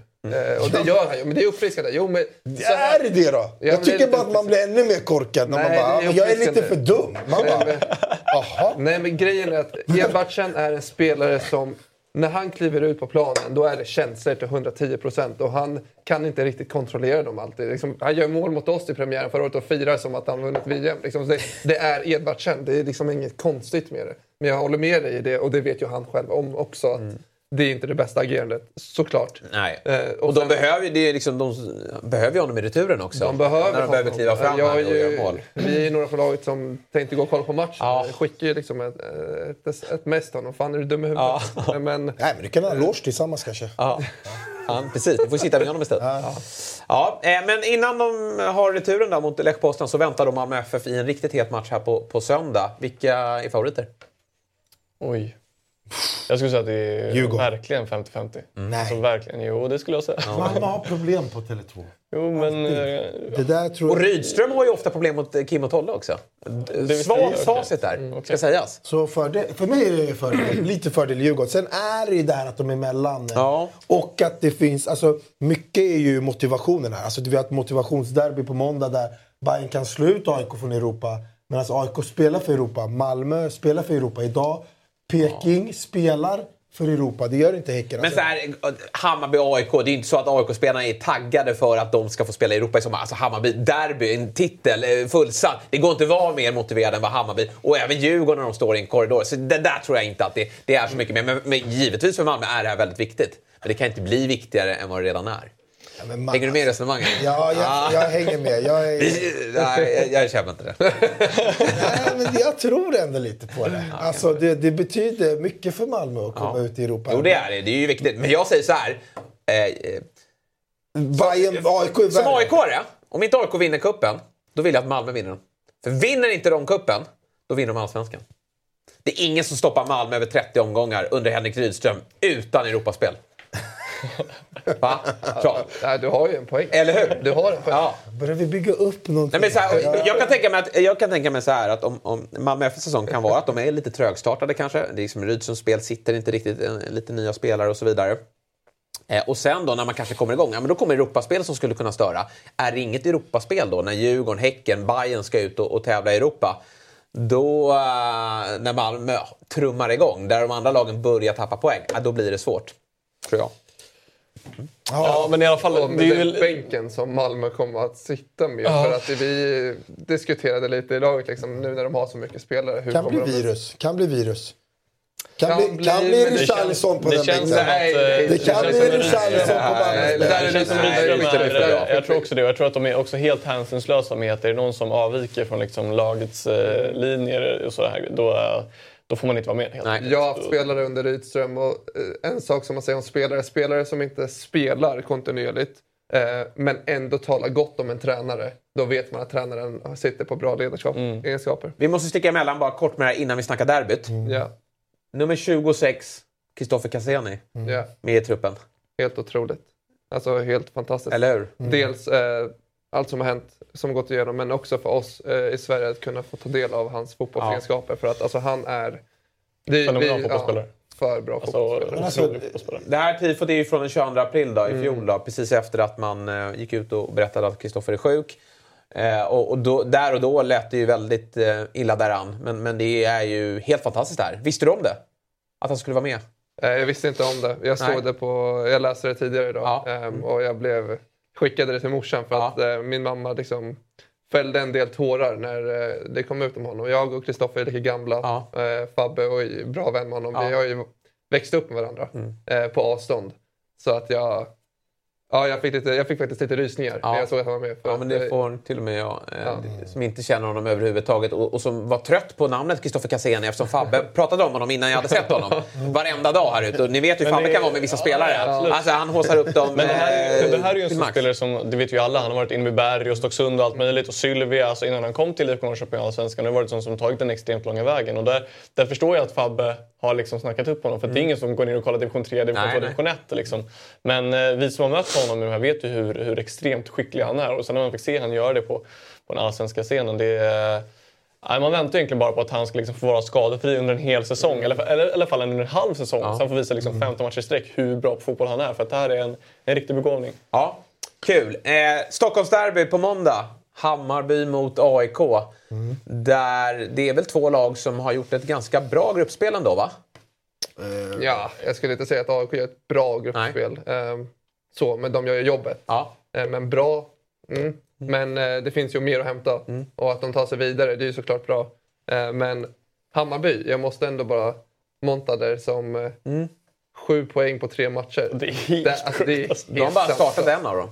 Ja, det är helt sanslöst. Ja, det är Jag- galet. jag, 17 bast. Ja. Ja. Och man, förstår, man förstår ju då att så här, när det ryktas om Nej, klubbar som Real kommer Sociedad och såna här det. grejer. Liksom att, så här, hur kan inte alla vara där? Det är sju poäng på en start helt sinnessjukt. Det spelar ingen roll då att de mött eh, Kreti och Pleti och Sundsvall och grabbarna. Det spelar Varför ingen gör roll. inte det då? Det spelar ingen roll. Varför gör inte det Varför gör inte alla andra Jag sju poäng då? platsar ju i Sundsvall. Varför gör inte Nahiri Besara sju poäng? Han har startat tre matcher. Jo, jag säger ingenting om killen som gör sju poäng, men motståndet är ju inte av kvalitet. han är Ja. fortfarande 17 år killen. Men hypen kommer ju bli total här nu om han eh, kliver in och levererar mot... Eh, Ja, det kommer. mot Gnaget här. Då För det ska, så du har ju poäng eh, såklart i att det är svagt motstånd. Sen ska ändå poängen göras. Det är det ju jag inte alla som inte alla? Nej precis, Jag varför har säger inte det, det är AIK-spelarna inte gjort det? Jag pratar, jag, jag, jag, jag, pratar, jag syftade mer liksom på Bayern och hypen att de gör så jävla mycket mål. Det är fortfarande mot riktigt uselt motstånd. Jo. Han, bra Sabri, 17 år. du hade ju suttit där med, med, eh, som en AIK-julgran om det hade varit Tahari som är lika gammal som hade gjort de här Ja, målen. det är det. Jag pratar inte om honom, men jag pratar just om den här hypen kring Bayern att de gör åtta mål på... Ja, men liksom. varför Nej, åker men inte jag- Degerfors eller Malmö upp till Luleå då och gör Exakt, 14 det är, exakt. mål? Det är svårare än vad man tror. motstånd. Det är mycket svårare än vad man vill tro. Och det här är supporten i dig som pratar. För att, att göra åtta mål mot ett lag Ja, nej, det är- i Superettan, det är inte, det är inte bara gå ut och göra det. Utan det är bara hatten av. Är, Och framförallt att då som den här killen gör en start och två inhopp och gör sju poäng. Det är alltså oavsett egentligen motstånd. Du, du kan möta BK Vargarna i Norrtälje och det, det kommer vara svårt ändå liksom, att göra så. Ja, ja, det, ja. Det, är, det är extremt imponerande. Men nu är ju då som många tidigare pratat om och, vi kommer att prata om det också. Nu är det riktiga testet för de Ja. unga. Och jag hoppas verkligen att han startar för att det ska bli väldigt häftigt att se honom. Jag har följt det här 05-landslaget ganska mycket som han har varit med i. För att vi i BP har haft väldigt många med i det landslaget. Det var kul att kolla på dem. Och, och där var han ju inte med i EM. Han var ju en av de som inte var med där. Eh, men han var med på kvalet dit och, och är ju väldigt poängstark. Han är ju duktig på att göra poäng. Och bara sådana spelare vet man ju blir värda hur mycket som helst. Så att, det skulle bli spännande att se han är hur, hur lite de edgy. kommer. Han är ju lite Kristoffer Cassini, han är lite Tahari. Vet, Han är den här typen av... Kolla, missförstå mig inte. Den där killen har säkert en jätteljus framtid. Jag bara vet att eh, jag har sett Bayern göra så här. Jag har sett dem vinna med 4-1, 5-1 mot sämre lag och sen inte kunna slå det där topp 6-laget när de ska vara som bäst. De slog Kalmar förra året, sista matchen hemma. Sen, de gör fem mål på AIK och äger bollinnehavet och allt möjligt. Men de vinner inte någon av matcherna. Så något problem... Alltså nu är det alltid så åh Bayern är så jävla bra, vi kommer leda allsvenskan efter fem omgångar. Men Det gör de ju, gjorde de i fjol. det gäller att vinna i slutändan. Alltså, det gäller, det jag det att göra jag- Jag hör vad du säger, men det är fortfarande supporten i dig som pratar. Det är Alltså, det, det är ju men- bara ren fakta. Ja, men han har poänger här. Ja, ja, det har absolut. han. Ja, jag säger det, Poäng, men vi pratade ju om enskild, om just honom. Ja, det gör vi. Nu klev vi in på laget. Ja, jag men det är precis. Ja, det är ju 17-åringen då som Ja, har gjort sju poäng på en start. Vad är det? Han får en 184 applåd. minuter? Jag säger ingenting om- Gör han det bra Men nu springer han in i kanske AIKs hetaste spelare som är Haliti. Jetmir Haliti som har gjort ett, ett, ett väldigt bra... Han var ju utlånad till Mjällby i fjol. eh, Det är ju brännan han vill hålla i handen, för då, då är han väldigt bra. Eh, Och så har han gjort eh, ett jättefint gruppspel här. Han har gjort ett fint gruppspel. Men han har gjort ett Ja. fantastiskt eh, Ja. gruppspel och jag är inte ens förvånad. För när jag och Samuel spelade i Superettan så var ju han där. Han grym i Södra. Ja, och i Södra. Och han var helt fantastisk. Alltså, Han är så svår att pressa som anfallare också. han, Eller som ytterspelare. eller han, han bryr sig inte om han är ensam en mot en längst bak. Han dribblar ju. Och Brännan vet ju hur man kan få ut max av honom. Så att jag tror att eh, vi, vi, vi som vet eh, vad han går för vet ju att han kan göra Ja, och, och där är ju, och där är det som, som ni båda varit inne på, Brännan är ju viktig. Ledarskapet är att våga lita på honom. Att så här, tappar han bollen en gång, då ska inte han vara bänkad sen. Utan så här, för att fördelarna han kommer ha om han får vara den han är kommer vara så pass stora för AIK. Att okej, ett bolltapp kanske kostar ett baklängd, i värsta fall kanske det kostar poäng. Men sen vet vi inte hur mycket han kommer bidra sen med poäng eh, som AIK kommer ta istället för att han spelar sitt spel. Och där tycker jag att det är viktigt att lita på en sån spelare som är så pass bra på de svåra grejerna. Liksom. Jag tror ju AIK tar det här. Och det, nu är det inte bara supporten i mig. Eh, Jag tycker att AIK faktiskt är bättre på många positioner. Alltså spelare för spelare. Sen, Bayern gör ett bra gruppspel, de gör mycket mål. Men jag tycker AIK tog ett steg för varje match. Från Västerås upp, upp, upp till sista här, Varberg. Jag tycker du fick se ett AIK med ett riktigt bra försvarsspel. Och, och, och starka defensivt. Och de ändå börjar få in Fischer. Han får ju verkligen det svåra att se enkelt ut. Så här. Men position för position tycker jag att AIK är bättre. Erfarenhetsmässigt är AIK före Bayern i det här derbyt också. Så nej, jag ser en fördel AIK. Faktiskt. Så jag skulle vilja- Ja, men jag skulle bara vilja höja två spelare, en i varsitt lag. Då. Jag tycker Tetsualde Teki, som jag är lika gammal som jag har spelat med i, i diverse olika landslag och sånt där. Jag tycker han är grym. Alltså, jag tror inte Sverige... Det var ju länge sedan han var i Norrköping och Östersund. Så jag tror man har glömt bort honom lite. Men jag tycker han är otroligt skicklig fotbollsspelare. Alltså, det här är verkligen en supermittfältare som Ja. Bayern har tagit in. Och sen vill jag också hylla då Jimmy Durmaz som har fått mycket skit. Matchen mot Varberg var han väldigt bra. Och det han gör som jag tycker är viktigt för AIK som en det är att han spelar bollen framåt. Och han spelar mm, vågade passningar genom lag, Mm. li, genom linjer, han slår crossboll och sådär. Så att han är modig i sitt spel och det, det vet jag att AIK kommer behöva. Så att, Ja, för det var ju inte Sebastian Larsson och Bilal på samma sätt. Nej, men, men och. Sebastian Larsson har ju extremt mycket andra Ja. värden än vad man säger än just hans fotbollsspelande primärt kanske. Liksom. Men, men där är ju Jimmy Jag tycker direkt att man ser Durmas, han gör också Bilal lite bättre. Det blir inte samma press på Bilal att han hela tiden ska få Det blir bollen mer och dynamiskt mittfält. Och så måste jag bara sticka in att Samuel pratar ju om sig själv om en annan, genom en annan person. Ja, ja, Men, eh, det, vara sexa, spela framåt igenom och hela den grejen. Eh, nästa här då. så, alltså, men jag håller med Samuel. Eh, gällande matchen i sig. Mm. Jag tycker inte det är så självklart att AIK, för att Bayern, Tele2, 30 000, inramningen är... Vilken jävla häftig match mot mig. Det, det vad kommer. Ja, den är helt otrolig. Det, det, Säg så, en, det är inte säg en så match förra året de hade en inramning mot ett topp 6-lag som de vann. Jag väntar. Ja. Så vi är väldigt segersäker. Jag är, alla vet vilket lag jag är på. Nej, jag är, Jag vet inte att alltså. det är jämnt än vad han får det att Ja. framstå. Alltså, Jag säger inte att det är jätteojämnt, men Jag tycker tänka verkligen, mig nu har ju Bayern många nya spelare. Sen, eh, Fabbe var ju på mig i 08 Fotboll här i veckan att eh, det är ju spelare som har varit i, i- i Hammarbys organisation som nu flyttar fram så de kan ju spelsättet. Men det är ändå många nya spelare. Men jag tycker att Hammarby, framförallt på Tele2, var klart bättre än AIK i 3-3 matchen. Sen Mm, lyckades AIK vara väldigt effektiva i den här matchen. 2-2 på Friends tycker jag var ganska jämnt, men, men det, det är ju en gräsmatch. Där trivs inte Bayern särskilt bra och det är AIKs hemmaplan. Jag förväntar mig väl att det blir ett eh, ett Bayern som för den här matchen. Det är väl ingen alltför vågad gissning. Jag tror att AIK kommer att eh, ställa om balansen. Jag tror att Omar Faraj får kliva åt sidan eh, och, och ta in en balansspelare. Jag tycker att Jesper Ceesay såg väldigt bra ut mot, va, eh, mot Västerås i första matchen. Jag hade gärna sett honom där, eh, lite för balansen. Men eh, med det sagt så tycker jag ändå att AIK, till skillnad från förra gången när de mötte Hammarby, nu gjorde de visserligen tre mål, men de är lite spetsigare eh, ändå med Durmas på mittfältet och Fischer och Guidetti. Mm. Eh, Men men- tror jag Omar... Tror, men jag vet inte om Omar Vågar, startar men, inte. vågar han men- spela de tre där uppe, tror du det? Alltså Oman är någonting man måste säga om honom. Ja. Han är en av de mest lojala spelarna i, den, i defensiven som jag tror att vi har i Ja. Allsvenskan. Alltså han, Och framförallt vet han hur man käkar en motståndare. han, alltså han kan störa en backlinje på egen hand Ja. helt själv. Och det kan ju inte John Guidetti. Nej, liksom... och Det, alltså, att, Av olika skäl. Ja, precis. Jo, om, om, man, om man bara får prata så. Ja, exakt. Ja, men så att jag, jag, jag, den egenskapen hos Omar, jag tror inte Brännan bara vill Okej, lägga den åt sidan. Nej, nej, men, Men- jag är men inte jag- övertygad jag- och jag jag köper den eh, synen också. Men Jag håller dock känner- med jag dig Jesper Ceesay har ju fått mer speltid i år än vad han har fått tidigare Ja. i sin AIK-karriär. Och han var väldigt bra mot Västerås. Han vann ju Ja. extremt mycket boll. Och där är han ju. Han är otrolig i den defensiva omställningen, Ja. i, att, i att vinna boll och positionera sig bra. Eh, och i en sån här match där, där eh, man kan tänka sig att, eh, att... eh, Jag hoppas i alla fall att det kommer mer öppen än de tidigare derbyna. Mm. Eh, och då kan man behöva en sån spelartyp också som, som... För Jimmy är ju bra på mycket annat Mm. än just de egenskaperna. Och sen är det så här, AIK har ju pr- pratat om i väldigt många år att försöka bli ett mer offensivt lag. Eh, ska vi se ett AIK som står lågt nu igen och bara låta...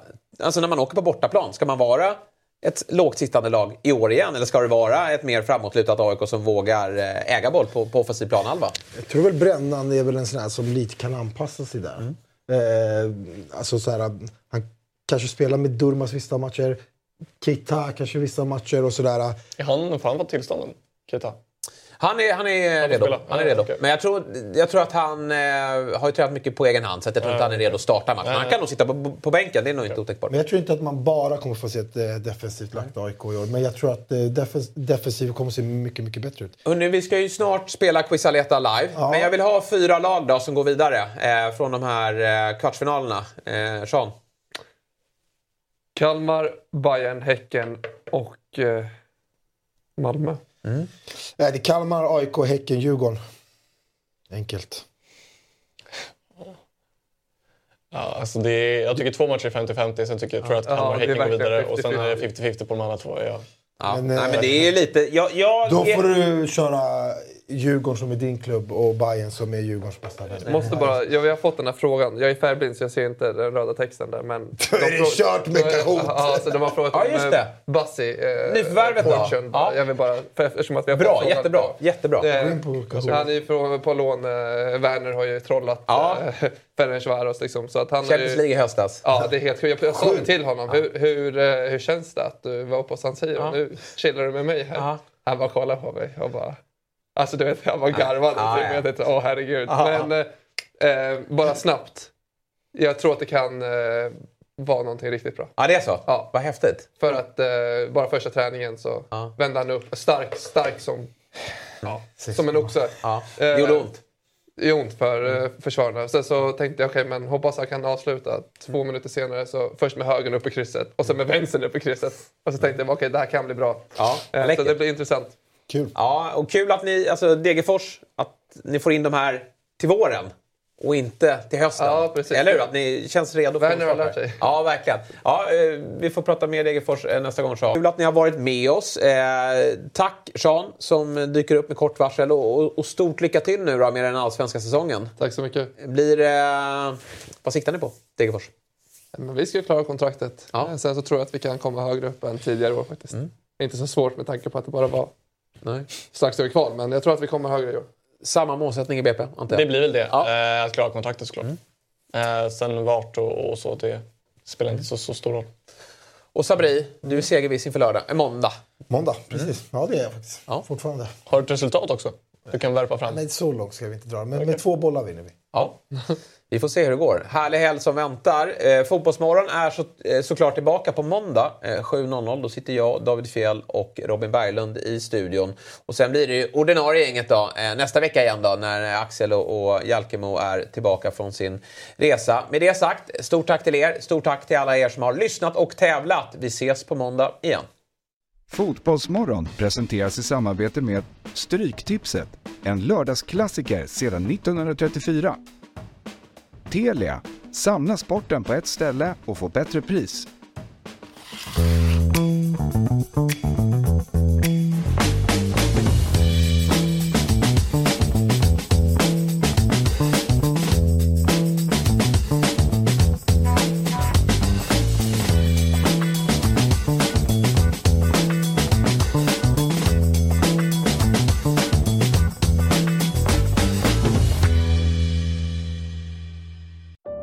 Säsong av Robinson på TV4 Play. Hetta, storm, hunger. Det har hela tiden varit en kamp. Nu är det blod och tårar. Fan händer just nu. Det. är Detta är inte okej. Robinson 2024, nu fucking kör vi! Streama söndag på TV4 Play.